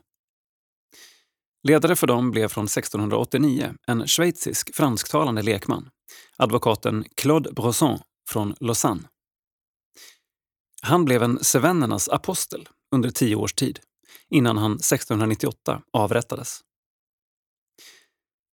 Under intryck av Brossons förkunnelse och den allt intensivare förföljelsen växte en bönerörelse fram där Andens eld föll på ett sätt som liknar det som skildras i Apostlagärningarna, det vill säga med tungotal och profetia. Det har hävdats att som mest cirka 8000 personer talat i tungor och eller profeterat. Så småningom gjorde kamisarderna väpnat motstånd mot förföljelsen. Efter det avtynade väckelsen. En grupp av Sevenner-profeterna flydde och fick fristäder i bland annat Schweiz och England. I London bildade de en egen församling och bedrev viss missionsverksamhet. Församlingen i London ska ha funnits kvar under cirka 40 års tid och etablerade kontakter med den engelska kväkarrörelsen och metodisternas ledare John Wesley. Sitt starkaste inflytande fick Sevenner-profeterna i Tyskland och Schweiz där små pentekostala rörelser uppstod. Till dem och till John Wesley återkommer vi i nästa artikel. Sida 42. Ur arkivet. Efraim Engström. En predikant värd att minnas.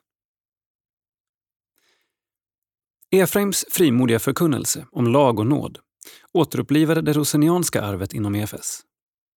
Själv kallade han sin undervisning lite skämtsamt för nådens oordning. Text Björn Printz, bild EFS arkiv. Med Guds kallelse och den heliga skrift som grund samt studier av framförallt Luther, Rosenius och bekännelseskrifterna kom Efraim Engström att bli en av de djupaste predikanter EFS har haft. Efraim Engström föddes 1886 i Kråkshults församling i nuvarande Eksjö kommun och dog 1980, 93 år gammal. Efter några års arbete hemma på gården tog Engström värvning vid Vaxholms grenadjärregemente. Han genomgick militär utbildning varpå han blev underofficer och lärare på underofficersskolan. År 1913 reste han till USA där han var verksam som förkunnare. När han 1920 återvände till Sverige tjänade han först som predikant i Östra Smålands missionsförening. Men från 1928 övergick han till EFS och blev predikant i Västerbotten. Bakom Efraim Engströms förkunnelse låg en nitälskan för Guds ord, för såväl lag som evangelium. Ur hans föreläsningar och från flera års gemenskap återger jag här ganska fritt en del av hans sammanfattningar av försoningen. Människan skapades till Guds avbild. Denna bestod dels i människans kropp och själ med förstånd, känsla, vilja och samvete. Dels i människans moraliska förmåga, vilken innebar ljus i förståndet, renhet i känslan och helighet i viljan. Denna moraliska avbild gick dock förlorad i syndafallet. Människan var danad med valfrihet. Hon kunde lyda Gud, men hon kunde även vägra att lyda honom. Syndafallets risk låg i denna valfrihet. Syndafallet bestod i att människan bröt mot Gud, mot hans ord och vilja. Syndens skuld är oerhörd. Människan trampade Guds bud under sina fötter, kränkte Gud och berövade honom hans ära. Återställandet av det brutna förhållandet mellan Gud och människan heter försoning. Den innebär lagenlig förlikning.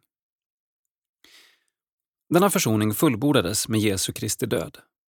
Dess utförande omfattar Guds frälsningsråd och nådaval före världens grundläggning samt Guds sons människoblivande i tidens fullbordan.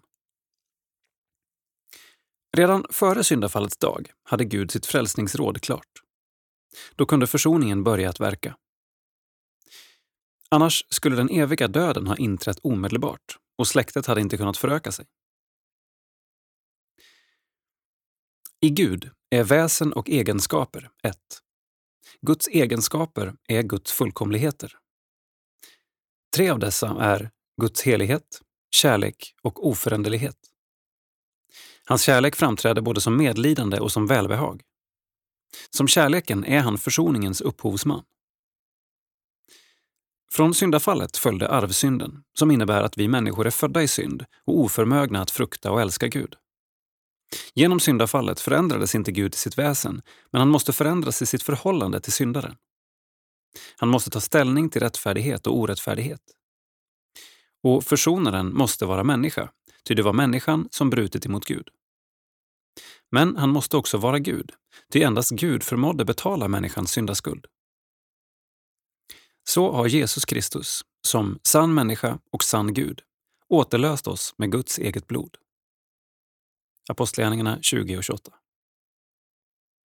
Det som ägde rum på världens stora försoningsdag var att straffet blev lagt på Jesus Kristus, Guds son. Han som var utan synd blev gjord till synd för vår skull.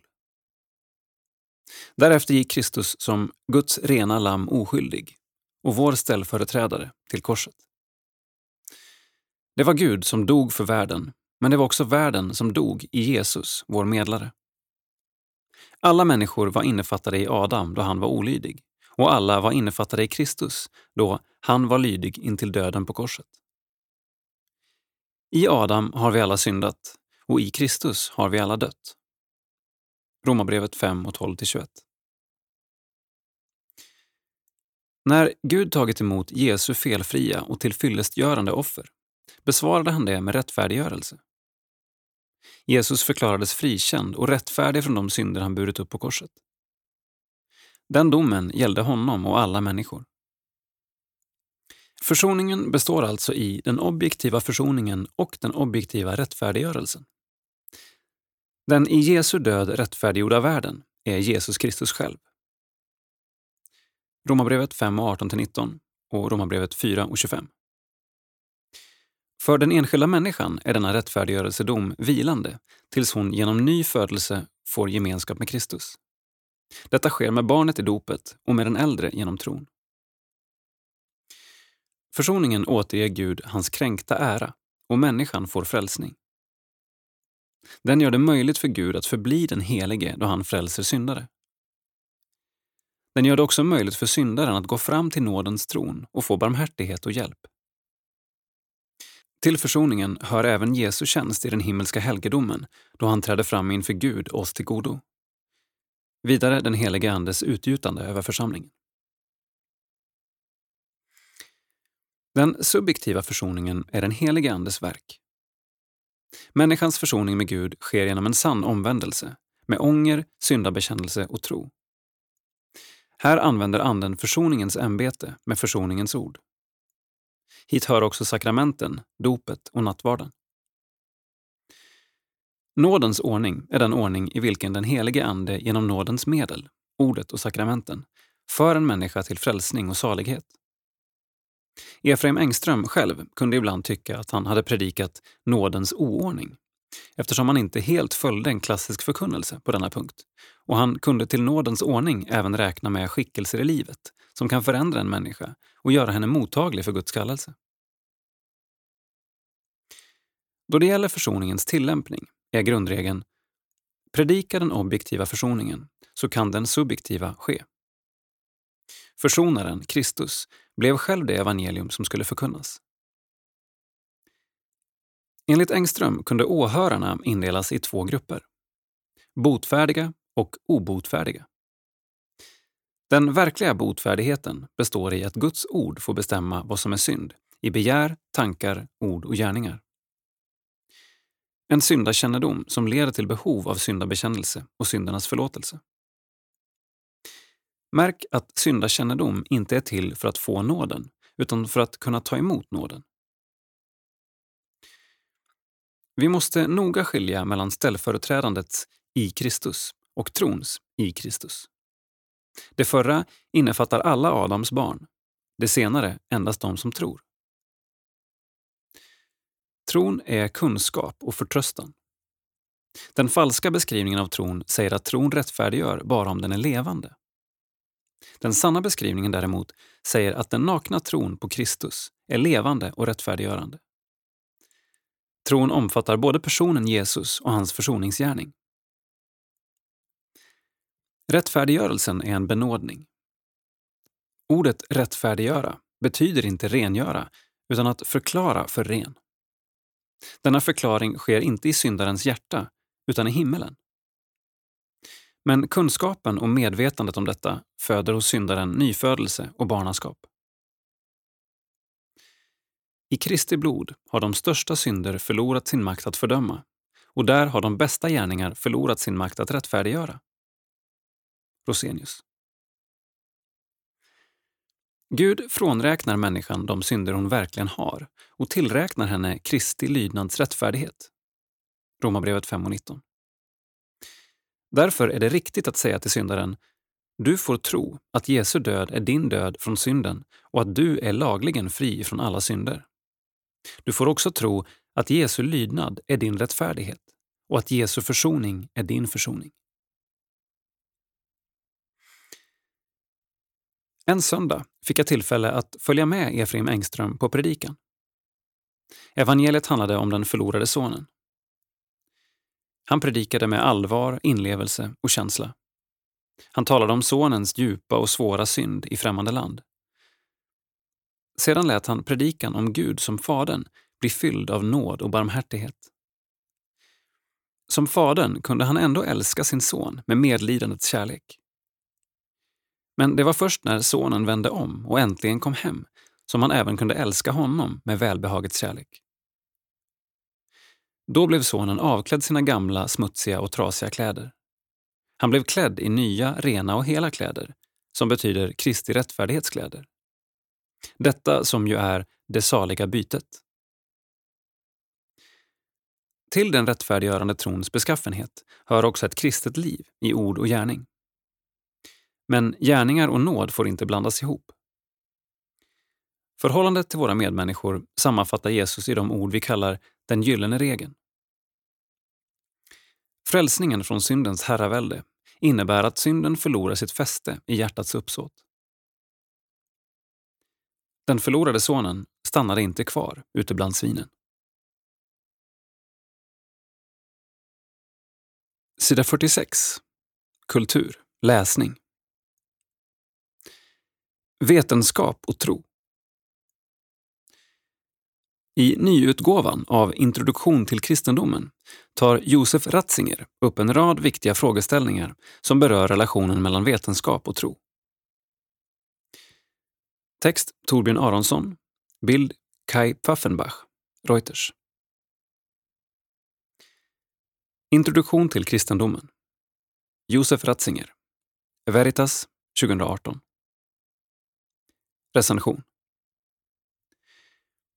Påve Benedikt XVI, alias Josef Ratzinger, är en av den katolska kyrkans skarpaste hjärnor under det senaste århundradet.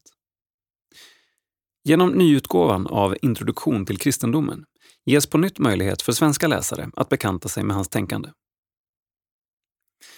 Ur apologetisk synvinkel är det en mycket nyttig sysselsättning. Ratzinger diskuterar och försvarar den kristna trons grundläggande anspråk och innehåll i dialog med den västerländska teologi och filosofihistorien. Introduktion till kristendomen, föreläsningar över den apostoliska trosbekännelsen, kom ut för första gången 1968. Det är verkligen passande att boken kommit ut på nytt i samband med 50-årsjubileet av studentrevoltens år. Medan mycket av det tankegods som fördes fram av 1968-generationen efterhand visat sig vara förkastligt och kortsiktigt, är en av dess främsta kristna motståndares tankar lika intressanta som när de först formulerades. Även om Introduktion till kristendomen publicerades i en omarbetad upplaga år 2000 är den fortfarande präglad av uppgörelsen med idéer som var aktuella 1968, exempelvis marxismen, Gud är död-teologin och den tyska liberalteologin. Bakom den nya svenska utgåvan står den katolska kyrkans förlag Veritas. Stefan Jarl har gjort den svenska översättningen och för den utsökta grafiska designen står Håkan Boström. Professor Gösta Hallonsten och Fredrik Heiding, SJ, har stått för fackgranskningen och kardinal Anders Arborelius, biskop av Stockholms katolska stift, har givit det officiella tryckningstillståndet. Boken omfattar sammanlagt 381 sidor inklusive noter och bibliografi. Utöver förorden till de två upplagorna är boken delad i en inledning, tre huvuddelar och elva kapitel. Huvuddelarna behandlar var och en av de tre trosartiklarna i Apostolicum. Störst omfång, 128 sidor, har andra huvuddelen, som ju handlar om Jesus Kristus. Ratzinger har beskrivits som en av de mer Jesuscentrerade påvarna och det är inte överraskande att hans utläggning av andra trosartikeln tar mest plats. Den tredje trosartikeln, den helige Ande, behandlas däremot ytterst styvmoderligt och klaras av på 30 sidor. Här är det uppenbart att boken i stort sett skrevs före den karismatiska väckelsens genombrott. Den omarbetade andra upplagan från år 2000 har inte satt några märkbara spår på den punkten. En annan av plumparna i protokollet är Ratzingers förenklade, men förutsägbara, avvisande av Martin Luthers teologi.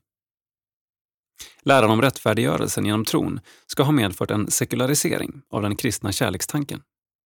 Sidan 211. I övrigt innehåller boken många intressanta och djuplodande resonemang om den kristna trons grundläggande beståndsdelar. Ratzinger tar upp en rad viktiga frågeställningar som berör relationen mellan vetenskap och tro. Han understryker vetenskapens och det mänskliga förnuftets begränsningar, men utan att avvisa de intellektuella utmaningar som den kristna tron innehåller. Strävandet efter en syntes mellan tro och förnuft är på allt sätt viktig och nödvändig, men får inte skymma att tron överskrider förnuftets kategorier.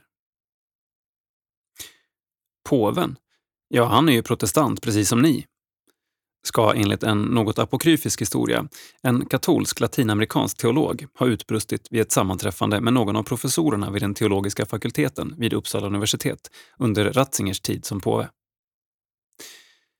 Uttalandet stämmer naturligtvis inte, men sant är att Ratzingers katolska kristna tänkande är djupt präglat av den tyska teologiska och filosofiska traditionen. Personer som Immanuel Kant, Friedrich Hegel, Karl Marx, Adolf Harnack Rudolf Bultmann och Karl Barth utgör viktiga samtalspartners i Ratzingers introduktion till den kristna tron.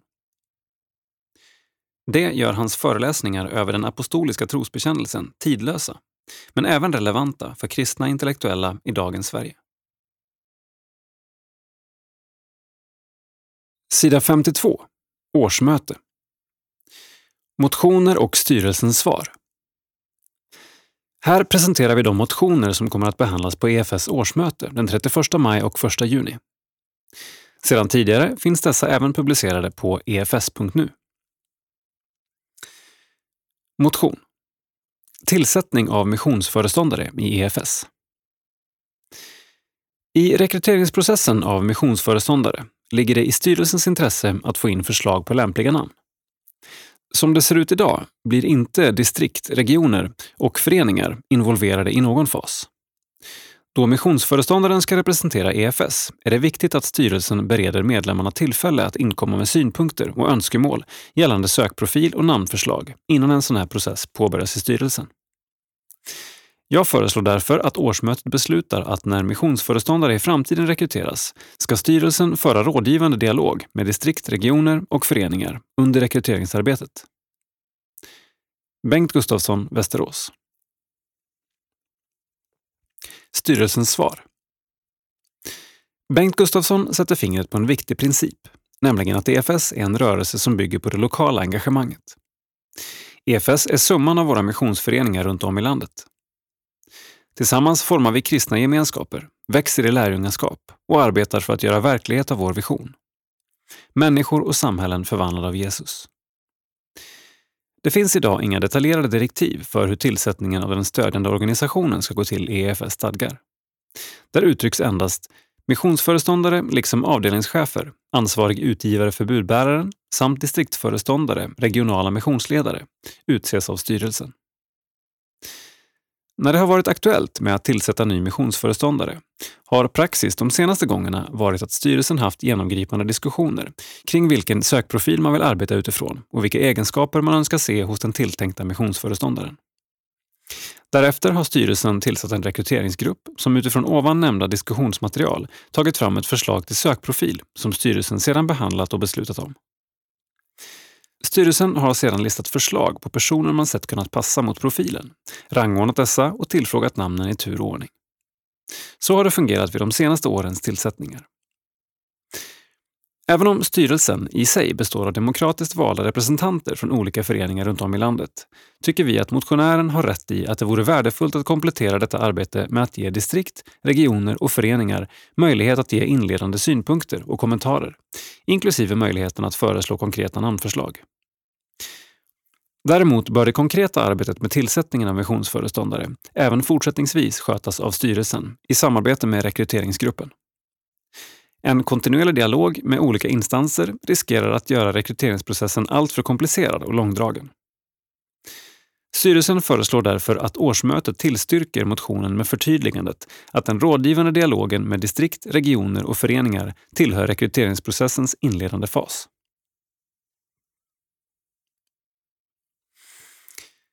Motion angående valprocedur vid styrelseval till EFS riksstyrelse. Resultatet av styrelsevalen är idag helt beroende av i vilken del av landet årsmötet äger rum, samt vilka medlemmar som är närvarande.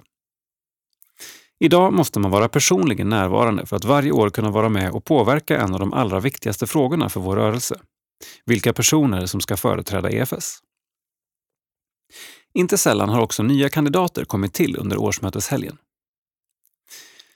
Nuvarande stadgar medger detta, om kriterierna uppfylls. Frågan som bör ställas är ändå om det är så rörelsen verkligen vill att det ska fungera även framgent. Det är en ganska liten del av organisationens medlemmar som kommer till årsmötet. Men detta är inte synonymt med att det hos alla de som inte är närvarande saknas engagemang för hur EFS ska styras. Det har under flera år funnits synpunkter på valproceduren och en uppfattning är att ett nytt digitalt valsystem skulle välkomnas av många medlemmar. Jag föreslår därför att årsmötet 2019 beslutar ge styrelsen i uppdrag att utreda lämpliga förslag till hur valprocessen kan förnyas så att samtliga EFS-medlemmar ges möjlighet att delta i valet av styrelse för EFS, oberoende av möjligheten att närvara på plats. För styrelsen i EFS missionsförening, Västerås. Bengt Gustafsson, vice ordförande. Styrelsens svar. Motionen vill fästa uppmärksamheten på engagemanget för EFS och att så många som möjligt engagerar sig i rörelsens styrelseval. Denna glädje över engagemanget vill naturligtvis EFS styrelse också stämma in i. Det är många som bär rörelsen i bön, gåvor och engagemang. Frågan om valet till EFS styrelse är viktigt. Och det ligger något i det som motionären skriver, att antalet ombud i viss mån varierar beroende på var i landet konferensen är placerad. Detta är också en av anledningarna till att konferensen ambulerar mellan olika orter, så att vi turas om att ha nära till årskonferensen. Samtidigt som vi får möjlighet att se olika delar av EFS Sverige. Däremot verkar det föreligga ett missförstånd. Det är inte enskilda medlemmar som har rösträtt vid årsmötet, utan det är föreningarnas ombud som företräder föreningens medlemmar vid de olika valen. Frågan om digital omröstning är också en fråga som diskuterats, inte bara inom EFS, utan såväl i Sverige som helhet som i andra delar av världen. Fortfarande finns frågetecken när det gäller tekniska och säkerhetsmässiga aspekter på detta. Men när dessa är lösta är det bara en tidsfråga innan valen kan ske över internet. Samtidigt, det är inte bara ett styrelseval som årskonferensen handlar om. Det har med beslut om budget, motioner och deras uppföljning och mycket annat att göra. Det är också så att en utredning om årskonferensens utveckling och framtid nu är inne i sin slutfas, där man tagit fram en rad olika scenarios och förslag. Även om vi står bakom motionens intention, att hitta vägar att öka engagemanget och underlätta valproceduren, är det viktigt att inte lyfta ut en del ur den större demokrati och inspirationsprocess som EFS årsmöte innebär. Vi förordar därför att invänta årsmötesutredningens förslag. Styrelsen föreslår därför att motionen avslås med följande motivering. Även om vi står bakom motionens intention att hitta vägar att öka engagemanget och underlätta valproceduren är det viktigt att inte lyfta ut en del ur den större demokrati och inspirationsprocess som EFS årsmöte innebär. Vi förordar därför att invänta årsmötesutredningens förslag.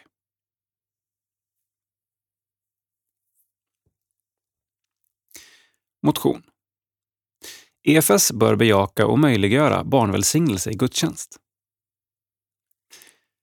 Bakgrund. Jag har tills nyligen, därmed i decennier, levt i villfarelsen att framförallt de lutherska barndöparsamfunden inbillat sig ha någon slags teologisk grund för att, så reflexmässigt och paniskt, neka sina medlemmar möjligheten att låta sina barn bli välsignade i gudstjänst. Detta för att kunna avvakta det enda dopet till eget avgörande, vilket föräldrarna allt som oftast önskar. Döm om min förvåning då jag för någon tid sedan blev varse att inbildning är just vad det är. Att den tyska lutherska kyrkan inte alls har några problem med detta, utan glatt och villigt välsignar barn i gudstjänst. Det finns alltså uppenbarligen ingen grund för att fortsätta denna allergiska vägran att hörsamma människors andliga önskemål på denna punkt. Jag har under åren erfarit flera exempel på människor som frågat efter ovanstående, men som antingen tvingats gå mot sin övertygelse eller till och med, i parallella fall, byta församling, samfund och därmed sin församlingsgemenskap. Det sticker många i ögonen att då man välsignar allt möjligt, lokaler, relationer, husdjur med mera, fortsätta vägra ha gudstjänst för att välsigna bland det viktigaste och mest livsbejakande vi har, barnen. De får klara sig utan. Jag har till och med även råkat på präster inom Svenska Lutherska kyrkan som faktiskt sagt sig inte kunna neka barnvälsignelse. Förstås med risk för bannbullor från de högre stolarna. Jag är övertygad att kvarhållande vid denna, alltså grundlösa, reflexprincip är kristet och andligt kontraproduktivt. Dels i det aktuella ekumeniska läge som råder, dels så som människor tänker och resonerar i dagens tid. Motion till årsmötet. Jag föreslår att EFS bejakar och aktivt arbetar för möjligheten till barnvälsignelse i gudstjänst, så kallad kyrklig handling. Att Missionsstyrelsen får det övergripande ansvaret att driva frågan genom förtroendevalda, personal och medlemmar. Åke Näslund, 7 januari 2019. Enskild medlem i EFS. Ordförande i SALT Idre Särna. Medlem i EFS-gruppen Idre Särna. Styrelsens svar. Redan EFS första paragraf konstaterar att EFS är en rörelse inom Svenska kyrkan och en rörelse som vilar på den evangelisk-lutherska bekännelsens grund. Därför är Svenska kyrkans tro och bekännelse också vår. Också Svenska kyrkans dopsyn är vår dopsyn. I Svenska kyrkans kyrkoordning i inledningen till det 19 kapitlet står det Kyrkans uppdrag är att alla människor ska nås av erbjudande om dop. Såväl barn som ungdomar och vuxna kan ta emot dopet. Att vi redan som spädbarn får ta emot tillhörighet till Guds rike och Guds nåd, det är nåd och något vi ännu mer vill se att människor i vårt land får ta del av.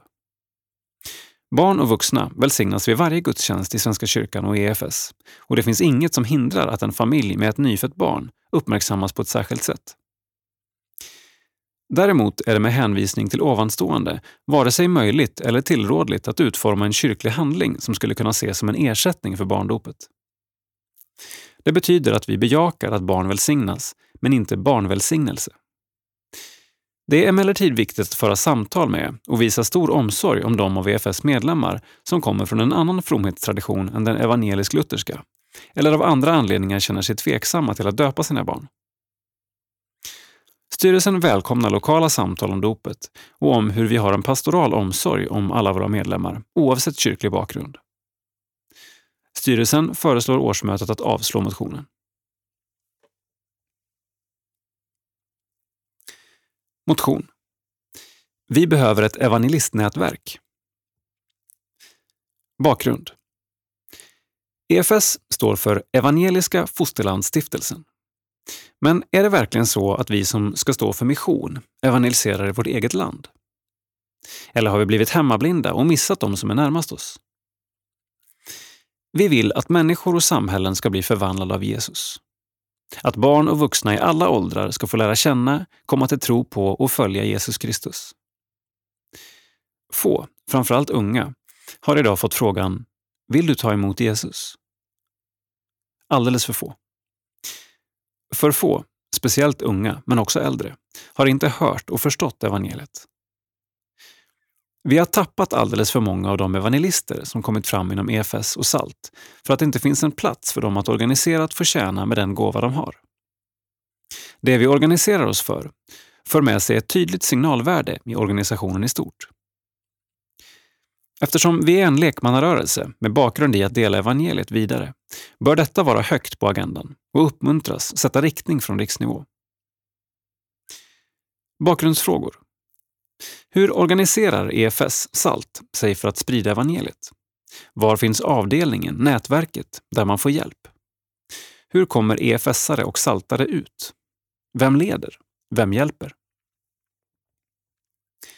Vår idé. Vi behöver därför organisera och starta ett evangelistnätverk för unga. Nätverket kan utrusta evangelisterna och göra kampanjemissionsresor i Sverige för att nå så många som möjligt med evangeliet och vinna dem för Kristus. Nätverket eller avdelningen samlar material, undervisning som riktar sig till Call to Action, att leva i mission. Genom nätverket får människor också chans att bli utrustade för att sprida det glada budskapet om Jesus i sin vardag. Vårt förslag till EFS och SALTs årsmöten 2019.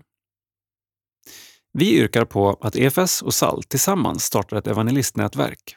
Att EFS och SALT ser över sin organisation och uppmärksammar, driver evangelisationssatsningar i Sverige. Förslaget väcktes och utvecklades under Byggplats 2019. Ett kreativt forum för EFS och SALTs framtid. Byggplats arrangerades av SALT i januari. Byggplats utsåg följande personer till motionärer. Uppsala 30 januari 2019. Anna Sköld, Erik Österberg, EFS Helsingborg, Salt Livskraft Norr. Styrelsens svar. Styrelsen uttrycker glädje över intentionen i motionen från Byggplats. Vi bejakar att olika nätverk bildas och ser styrkan i att människor får mötas och uppmuntra varandra till mission. Styrelsen vill uppmuntra till nätverkande kring evangelisation och vi vet att det sker på flera håll, både lokalt och regionalt. Vad gäller motionärernas förslag om evangelistnätverk önskar styrelsen att Sverigeavdelningen och EFS ledningsgrupp får arbeta vidare med hur detta kan realiseras i praktiken. Styrelsen vill uppmuntra till att evangelisationsnätverk kan bildas på olika sätt. Styrelsen ser att vi tillsammans kan verka för evangelisation i många former. Under våren 2019 tog styrelsen beslutet att omorganisera Sverigeavdelningen för att lättare kunna möjliggöra olika satsningar framöver. Vi arbetar nu med att genomföra den förändringen. Motionärerna föreslår att EFS och SALT tillsammans startar nätverk och ser över sin organisation. Eftersom vi är två självständiga organisationer kan inte EFS årsmöte fatta beslut som rör båda dessa, men vi kan uttrycka vår vilja att arbeta med SALT i dessa frågor. Styrelsen ser det dock inte som Rikskansliets uppgift att starta och driva nätverk. Styrelsen föreslår därför enligt resonemanget ovan att avslå motionen och att bifalla intentionen i densamma.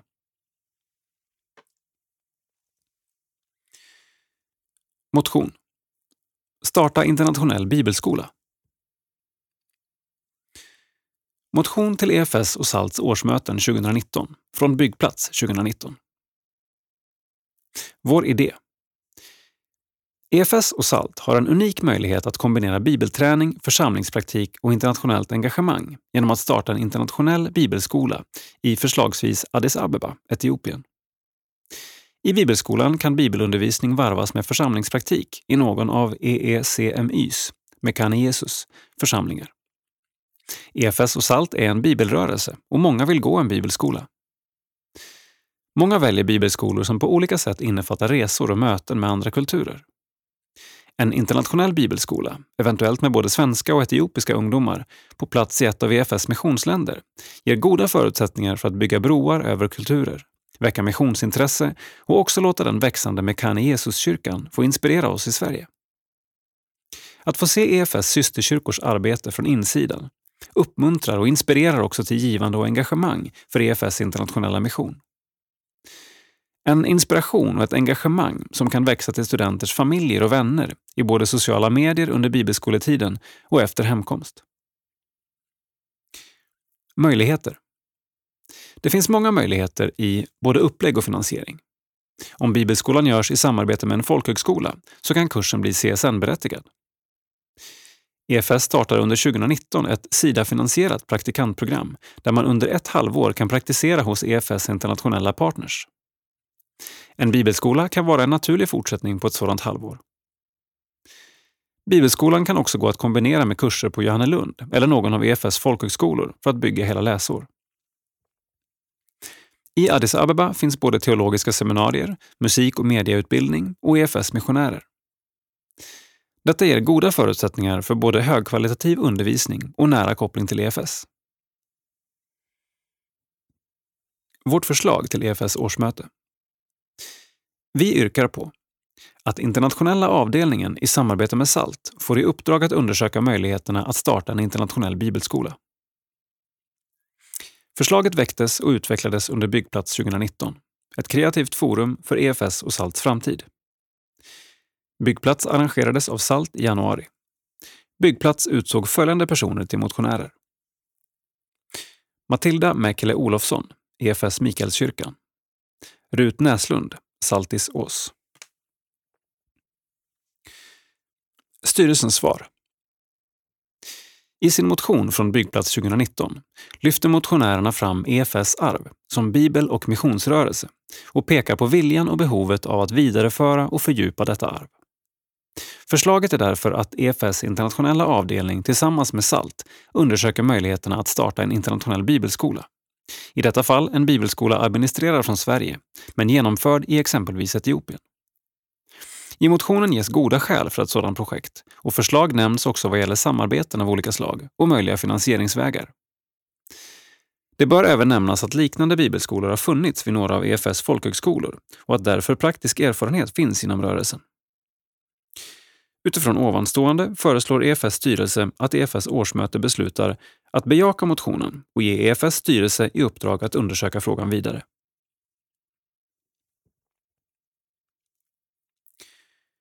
Motion EFS som medlem i JAK medlemsbank. Bakgrund Jag föreslår härmed att EFS blir medlem, kund, i JAK medlemsbank. Tillika uppmuntrar lokala föreningar till medlemskap. Se www.jak.se. Banken arbetar för en hållbar och rättvis ekonomi. Detta genom att ifrågasätta och skapa alternativ till den ständiga tillväxten. Att vi förbrukar ett otal fler jordklot per år än det enda vi har. Detta arbete gestaltas i en kritik mot ränta, mot att tjäna pengar på pengar och inte på arbete.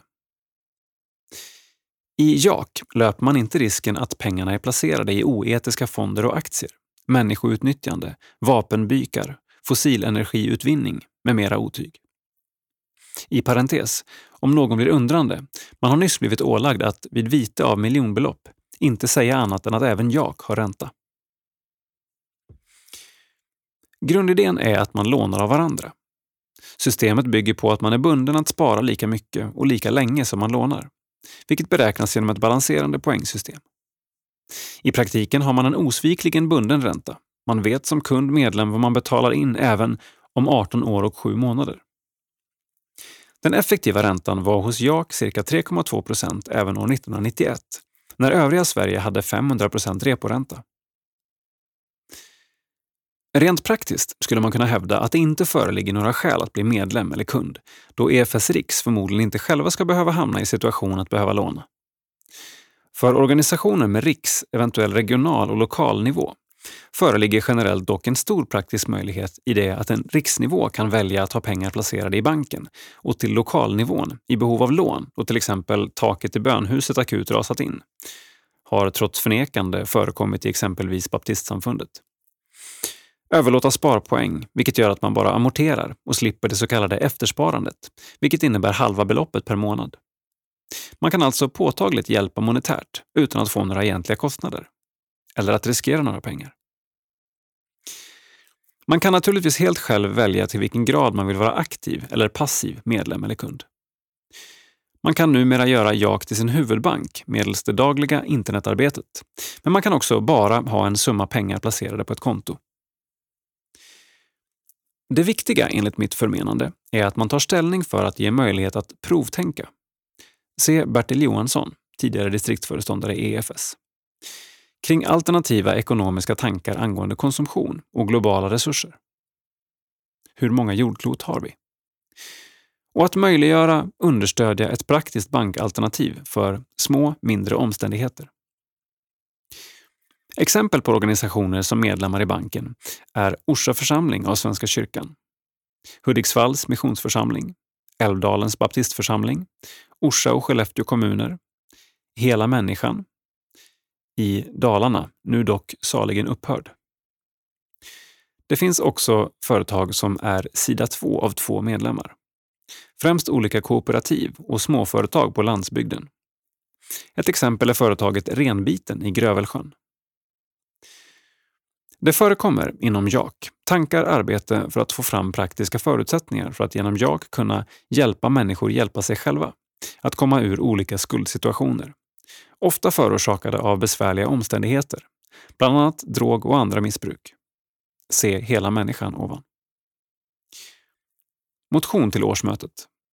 Jag föreslår att EFS blir medlem, kund i JAK medlemsbank. Tillika uppmuntrar lokala föreningar till medlemskap. Åke Näslund, 7 januari 2019. Enskild medlem i EFS. Ordförande i Salt Idre Särna. Medlem i EFS-gruppen Idresana. Styrelsens svar. All verksamhet inom EFS är underordnad kyrkans grundläggande värderingar, där Jesus Kristus är själva förutsättningen och förebilden. Det uppdrag Gud anförtrott oss ska förvaltas med klokhet och respekt gentemot mänsklighet och skapelse.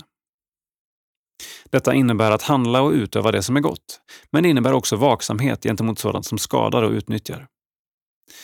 De ekonomiska resurser vi fått att förvalta är ställt under samma förutsättningar som andra resurser och verksamheter. I beaktande av detta finns inom EFS en kapitalplaceringspolicy som på ett tydligt sätt anger de etiska riktlinjerna för hantering och placering av finansiella tillgångar.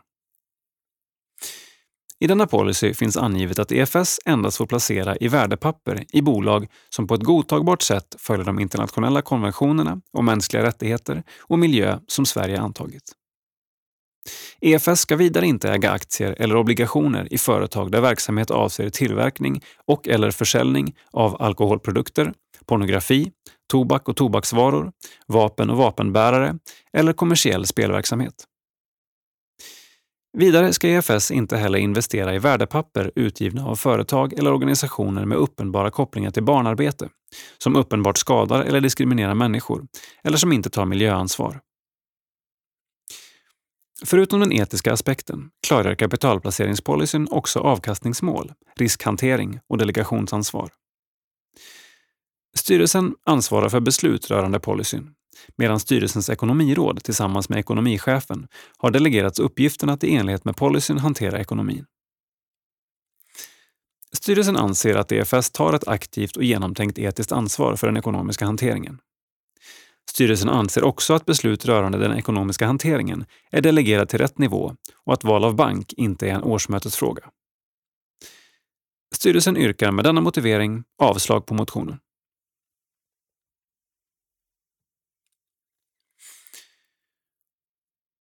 Valberedning Förslag till ny valberedning 2019-2020 efter nominering av respektive distrikt. Norrbotten Ingrid Risberg, Blåsmark. Ersättare Håkan Eriksson, Boden. Västerbotten Anna-Karin Westman Kärnlund, Skellefteå. Ersättare Birgitta Bergner, Bodbyn. Mittnorrland Margareta Nordlund, Husum. Ersättare Tord Karlsson, Sollefteå. Mittsverige Per-Olof Berglund, Uppsala. Ersättare Martin Stenvall, Stockholm. Västsverige Mikael Lenberg, Borås. Ersättare Fredrik Claesson, Vårgårda. Sydöstsverige Jan-Erik Viktor, Svenarum. Ersättare Hans Karis, Linköping. Sydsverige Jonas Nordén, Furulund. Ersättare Stefan Svensson, Hässleholm.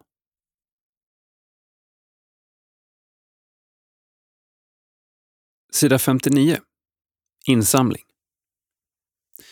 Gåvoresultat april. EFS. Insamlat 1,8 miljoner kronor. Budget 2,3 miljoner kronor. Det preliminära insamlingsresultatet för april är 1,8 miljoner. Cirka 545 000 kronor mindre än budgeterat för perioden. Hittills i år har EFS samlat in närmare 8,7 miljoner kronor vilket innebär att årets totala insamling i skrivande stund är cirka 680 000 kronor under budget. Insamlat 8,7 miljoner kronor.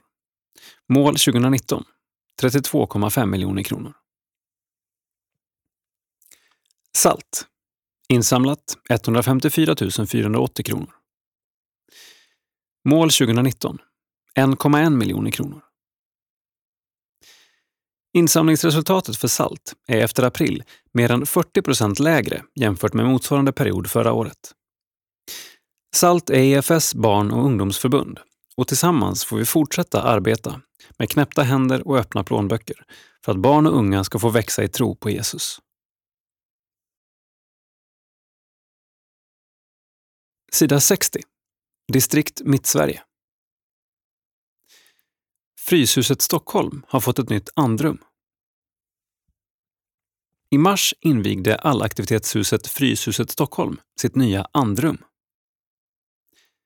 Text Sofie Siverman. Rummet är skapat för att ge plats för reflektion, meditation och bön. De andliga och religiösa perspektiven har alltid varit viktiga i Fryshuset och därför var det självklart för grundaren Anders Karlberg att det skulle finnas ett rum för bön när nya Fryshuset invigdes i april 1997. Säger Ulrika Stigberg, anställd av EFS och präst i Fryshuskyrkan. Det andrum som då togs i bruk låg väldigt centralt och tillgängligt innanför entrén. Men när Fryshuset byggde om och entrén flyttades hamnade andrum avskilt i källarplanet. Det känns väldigt bra att Andrum nu flyttar upp på entréplanet igen och blir tillgängligt på ett helt annat sätt än tidigare, säger Stigberg. Att det också denna gång, 22 år senare, är ett rum skapat av konstnär Anna Lindqvist Adolfsson ser Ulrika som en stor tillgång. Anders Karlberg berättade ofta för mig hur han upplevde att folk blev andäktiga då de klev in i rummet som Anna skapat. Den känslan av andäktighet önskar vi också ska prägla det nya rum som nu tas i bruk. Anna Lindqvist Adolfsson understryker det Ulrika säger. Jag vill med nya andrum skapa en plats för stillhet och ro. En plats där alla är välkomna och där livet ryms. Anna visar böneträdet och berättar Asp har i alla tider ansetts som ett skräpträd. Det har dåligt energivärde och det man använder aspträ till idag är tändstickor och i viss mån bastupanel. Enligt legenden var Kristi kors gjort av asp. Det är därför löven darrar. Det är även så att ikoner inte får målas på aspträ av denna orsak. Jag har tagit detta träd, och dessutom det minst värdefulla på det mest värdelösa av träd, och samlat ihop det. Kvistarna. Det skapar en återupprättelse av det som ingenting är värt, som nu får det finaste av funktioner. Att bära upp människors tankar och böner.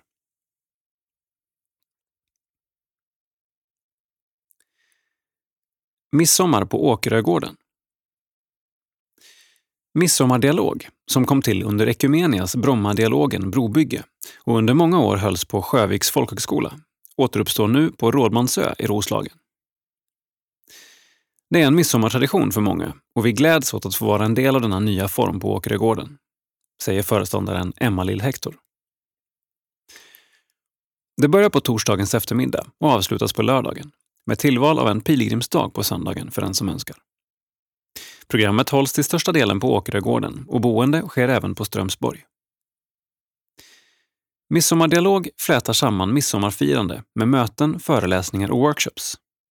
Det är en mötesplats för tolvstegstänkande och kristen andlighet. Årets tema är Vem bryr sig? Om empati och medmänsklighet. Hur bevarar vi just empati och medmänsklighet när det blåser snålt? Välkommen att ta del av föreläsningar och att reflektera tillsammans med andra till fest och gemenskap, utmaningar och fördjupning. Medverkar gör bland andra Lena Bergström, Anna Ardin, Harry Monsus, Per Westblom, Ann Westblom, Karin Olofsdotter, Olle Jonasson, Sven-Gösta Holst och folkpopgruppen Cora Dolora. Läs mer om programmet och anmäl dig på Åkerögårdens hemsida akerogarden.com eller Brobygges hemsida brobygge.se. Kalender 20-22 juni Midsommardialog, Åkerögården. 9-13 juli Människor och samhällen förvandlade av Jesus, Åkerö 19. 15-19 juli Bara vara, tillsammans, Åkerögården. 29 juli till 2 augusti. Salt och vatten. Distriktsscoutläger, Vässarö. 15 till 18 augusti. Musikläger, Olsnäsgården. 10 till 15 november. Ignatiansk retreat, Åkerögården.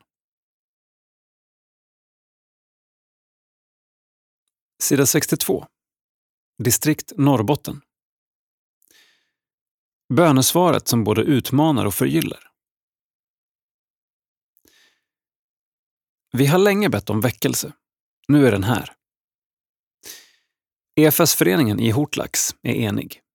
Vill vi inte ta emot denna möjlighet så ska vi inte be om det heller. Text och bild Monica Arndt. När flyktingvågen år 2015 välde in över Sverige kom många ensamkommande killar från Afghanistan till flyktingboendet på Piteå havsbad. Havsbadskyrkan fick snart ett stort arbetsområde hos dessa asylsökande. Från denna verksamhet kom det snart att bildas grupper i engagerade föreningar, bland annat EFS i Hortlax. Till de bibelstudier som startades kom snart ett tiotal flyktingar, nyfikna på den kristna tron. Under de sista åren har gruppen växt och nu har det tillkommit nya migranter från andra länder som Iran, Irak och Syrien. Denna tillströmning har lett till en stor omställning i EFS Hortlax ordinarie verksamhet. Gruppen med migranter, som tidigare var mest fokuserad på tisdagskvällar, har även spridit sig till söndagsgudstjänsten, som numera tolkas på flera språk. Hur reagerade då EFS-föreningen i Hortlax på denna nya, plötsliga tillströmning? Den satte definitivt föreningen på prov, men man var eniga om att detta var något som Gud hade lagt på deras hjärtan. I många år bads det om väckelse på platsen och nu var den plötsligt här. Många steg fram och tog ansvar genom att skjutsa till och från flyktinganläggningen, fixa fika, stötta, vara förebedjare och medmänniska. Föreningen är ödmjuka i sin inställning att detta är ett ansvar vi har fått av Gud och vi vill verkligen bekräfta och lyfta upp våra bröder och systrar. Det som är slående, enligt prästen Thomas Larsson, är hur fina och genuina människor det är som kommer. De törstar så efter gemenskap, både med Gud och med andra kristna. Och Bibeln och ordet är så oerhört viktigt för dem. De kommer ofta från en bakgrund där de inte har fått tänka och tala fritt, genom lag eller tradition. Och när de nu får det så blir det väldigt viktigt för dem att reflektera och av egen fri vilja göra sina val. Många av flyktingarna har betalat ett mycket högt pris för att de vill vara kristna. Det är också viktigt att de förstår allvaret av att konvertera vilket är särskilt komplicerat under en pågående asylprocess. Av den anledningen fastslogs vissa kriterier när många av dessa förra året ville låta döpa sig. Något som de själva kände ett stort behov av när de läste Bibeln. Henrik Näslund, EFS missionsledare i Norrbotten, satte i samråd med Anna Andersson, kyrkoherde i Hortlax församling, upp vissa ramar för att få påbörja dopprocessen. De som önskade genomgå dopundervisningen skulle ha funnits i församlingens omsorg i ett halvår och ha en levande, aktiv kristen tro. Därefter följde en terminslång undervisning innan den avslutande dophögtiden. För Hortlax EFS har bibelstudierna blivit en evangelisationsmetod. Generellt kan man säga att vissa saker, som bildspråket i Bibeln, har gruppen lätt att ta till sig. Kulturen de kommer ifrån ligger i många fall närmare den nytestamentliga och vissa sedvänjor finns en större förståelse för, säger prästen Thomas Larsson och fortsätter. Samtidigt ligger också förståelsen för lidandet närmre, eftersom det är något som de själva i många fall har upplevt och bevittnat. För Hortlax EFS har det fått bli tydligt att evangeliet är på riktigt och för de här människorna handlar detta faktiskt om liv och död. De nya deltagarna skänker också mycket glädje och har blivit en stor del av gudstjänstlivet. Migranterna har även fått berika andra sammanhang. Bland annat har de besökt olika ungdomsgrupper för att berätta sin historia, ge en röst och ett ansikte till invandringen och motverka rasism. Att möta dessa människor föder en tacksamhet över hur bra vi har det med den frihet och möjlighet till gemenskap vi har, som inte är självklar för många andra. Samtidigt är det fantastiskt att se hur tron växer och tar gestalt hos de här människorna. Och se deras längtan och hur Gud möter den, säger Larsson. Inte minst betonar han allvaret och iven över att det här är på riktigt och att det ger ett djup. Det är ju tyvärr så att vi vet att alla inte kommer att få stanna i Sverige och att svårigheter med största sannolikhet väntar de som utvisas. Vi behöver i våra föreningar hjälpa varandra att lyfta blicken och se den större bilden. Kanske kommer vi att tacka för främlingen som kom hit. Att vi ska få se Kristus på ett nytt sätt och att evangeliet kommer att spridas. Vi vet inte hur framtiden ser ut. Flyktingboenden stängs och många flyttar. Men oavsett vad som händer kommer jag alltid att minnas den här tiden som väldigt positiv. Sida 64. Nytt i livet. Till minne. Bernt Fredriksson. Jag och Bernt blev till sist grannar i Uppsala. Genom EFS folkhögskola i Solvik hade han kunnat studera vidare och bli gymnasieingenjör 1955. I 23 år arbetade han inom gruvindustrin, som platschef i Laisvall och överingenjör. Sedan blev han anställd av EFS som distriktsföreståndare i Norrbotten. Prästvigd 1988 och som administrativ chef på EFS kansli i Uppsala 1991. Guds kallelse vägde tyngst. Han hade en tid varit ledamot av distriktsstyrelserna i norr, biträdande predikant och ledamot av EFS styrelse mellan 1987 och 1991. I samband med att kansliet flyttade till Kyrkans hus 1997 lämnade han sin chefstjänst och arbetade de sista två åren som distriktsföreståndare för Mälardalen. Flytten reducerade EFS självständighet, menade han, och det kunde bli svårare att samla in pengar till EFS mission. Jag mötte Bernt i EFS styrelse, i distriktsföreståndarsamlingarna, i EFS chefsutbildning, i EFS personalnämnd, i ledningsgruppen på EFS kansli och i möten med systerkyrkan i Indien.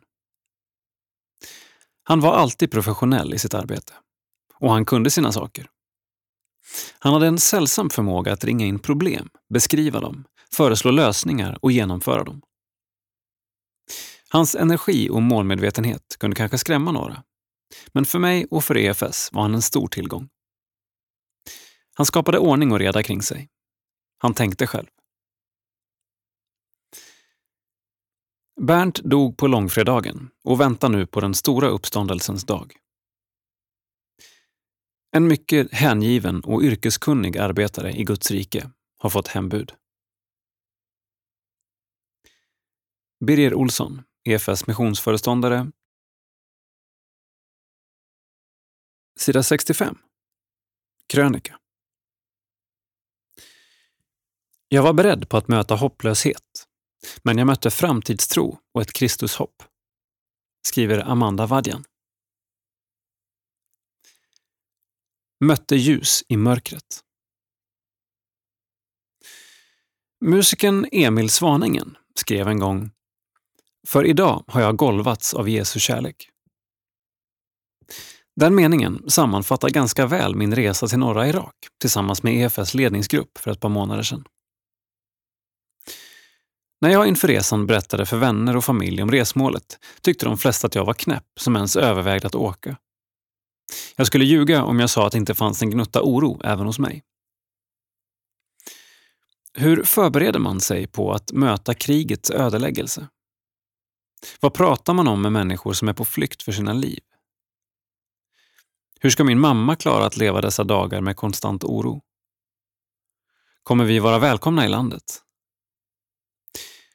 Jag försökte förbereda mig så gott jag kunde, men att föreställa sig något man aldrig upplevt eller ens kommit i närheten av innan, det är svårt. Tankarna hoppade som gräshoppor i huvudet. Endast en sak var säker. Att en kulturkrock skulle ske. Och visst kom den. Luften var annorlunda. Inte så varm, men den luktade annorlunda. Trafiken var ofattbar för mig som är från Sverige, där den som inte följer trafikregler och ordning straffas. Såg aldrig någon krocka. Tvåfiliga vägar blev femfiliga. Hastigheten tycktes relativ. Hur många som fick plats i en bil? Så många som det bara gick. Brödet, rörorna, riset, grytorna och frukten. Alltid i överflöd. Om någon skulle lämna matbordet hungrig vore det en skam. Och det obligatoriska teet med socker i efter maten. Mums. Kaffe visade sig vara en lyxvara, vilket var kämpigare för en del i gruppen än andra. Ingen nämnd, ingen glömd. Men det som golvade mig var inte lukterna, maten eller trafiken, utan alla människor vi fick möta och de berättelser vi fick ta del av. Den gamla kvinnan som inte var förmögen att lämna sin stad när IS kom. Som trots sin kristna tro överlevde för att någon gav henne mat. Mannen som sökt asyl i Sverige, fått avslag och nu jobbar för att bygga upp sin sönderbombade stad tillsammans med andra återvändande. Barnen som lekte, familjerna som firade vårdagjämningen. Mannen som på frågan hur de orkar fortsätta svarade att de inte har ett val, utan att de måste fortsätta. Jag var beredd på att möta total hopplöshet. Men jag mötte ett Kristushopp och en framtidstro. Men också en nöd. De behöver oss. Vi behöver varandra. Om du får möjligheten att resa till Irak, gör det. Men man behöver inte åka till Irak för att möta våra syskon från andra länder. De finns runt omkring oss på hemmaplan. Hela världen finns i Sverige och vi har ett val. Att möta varandra som främlingar eller som syskon. Min önskan är att vi ska älska, lyssna och be för våra grannar och kollegor och tro att Jesu kärlek vill golva oss även här hemma. Amanda Vadjan, vikarierande generalsekreterare SALT.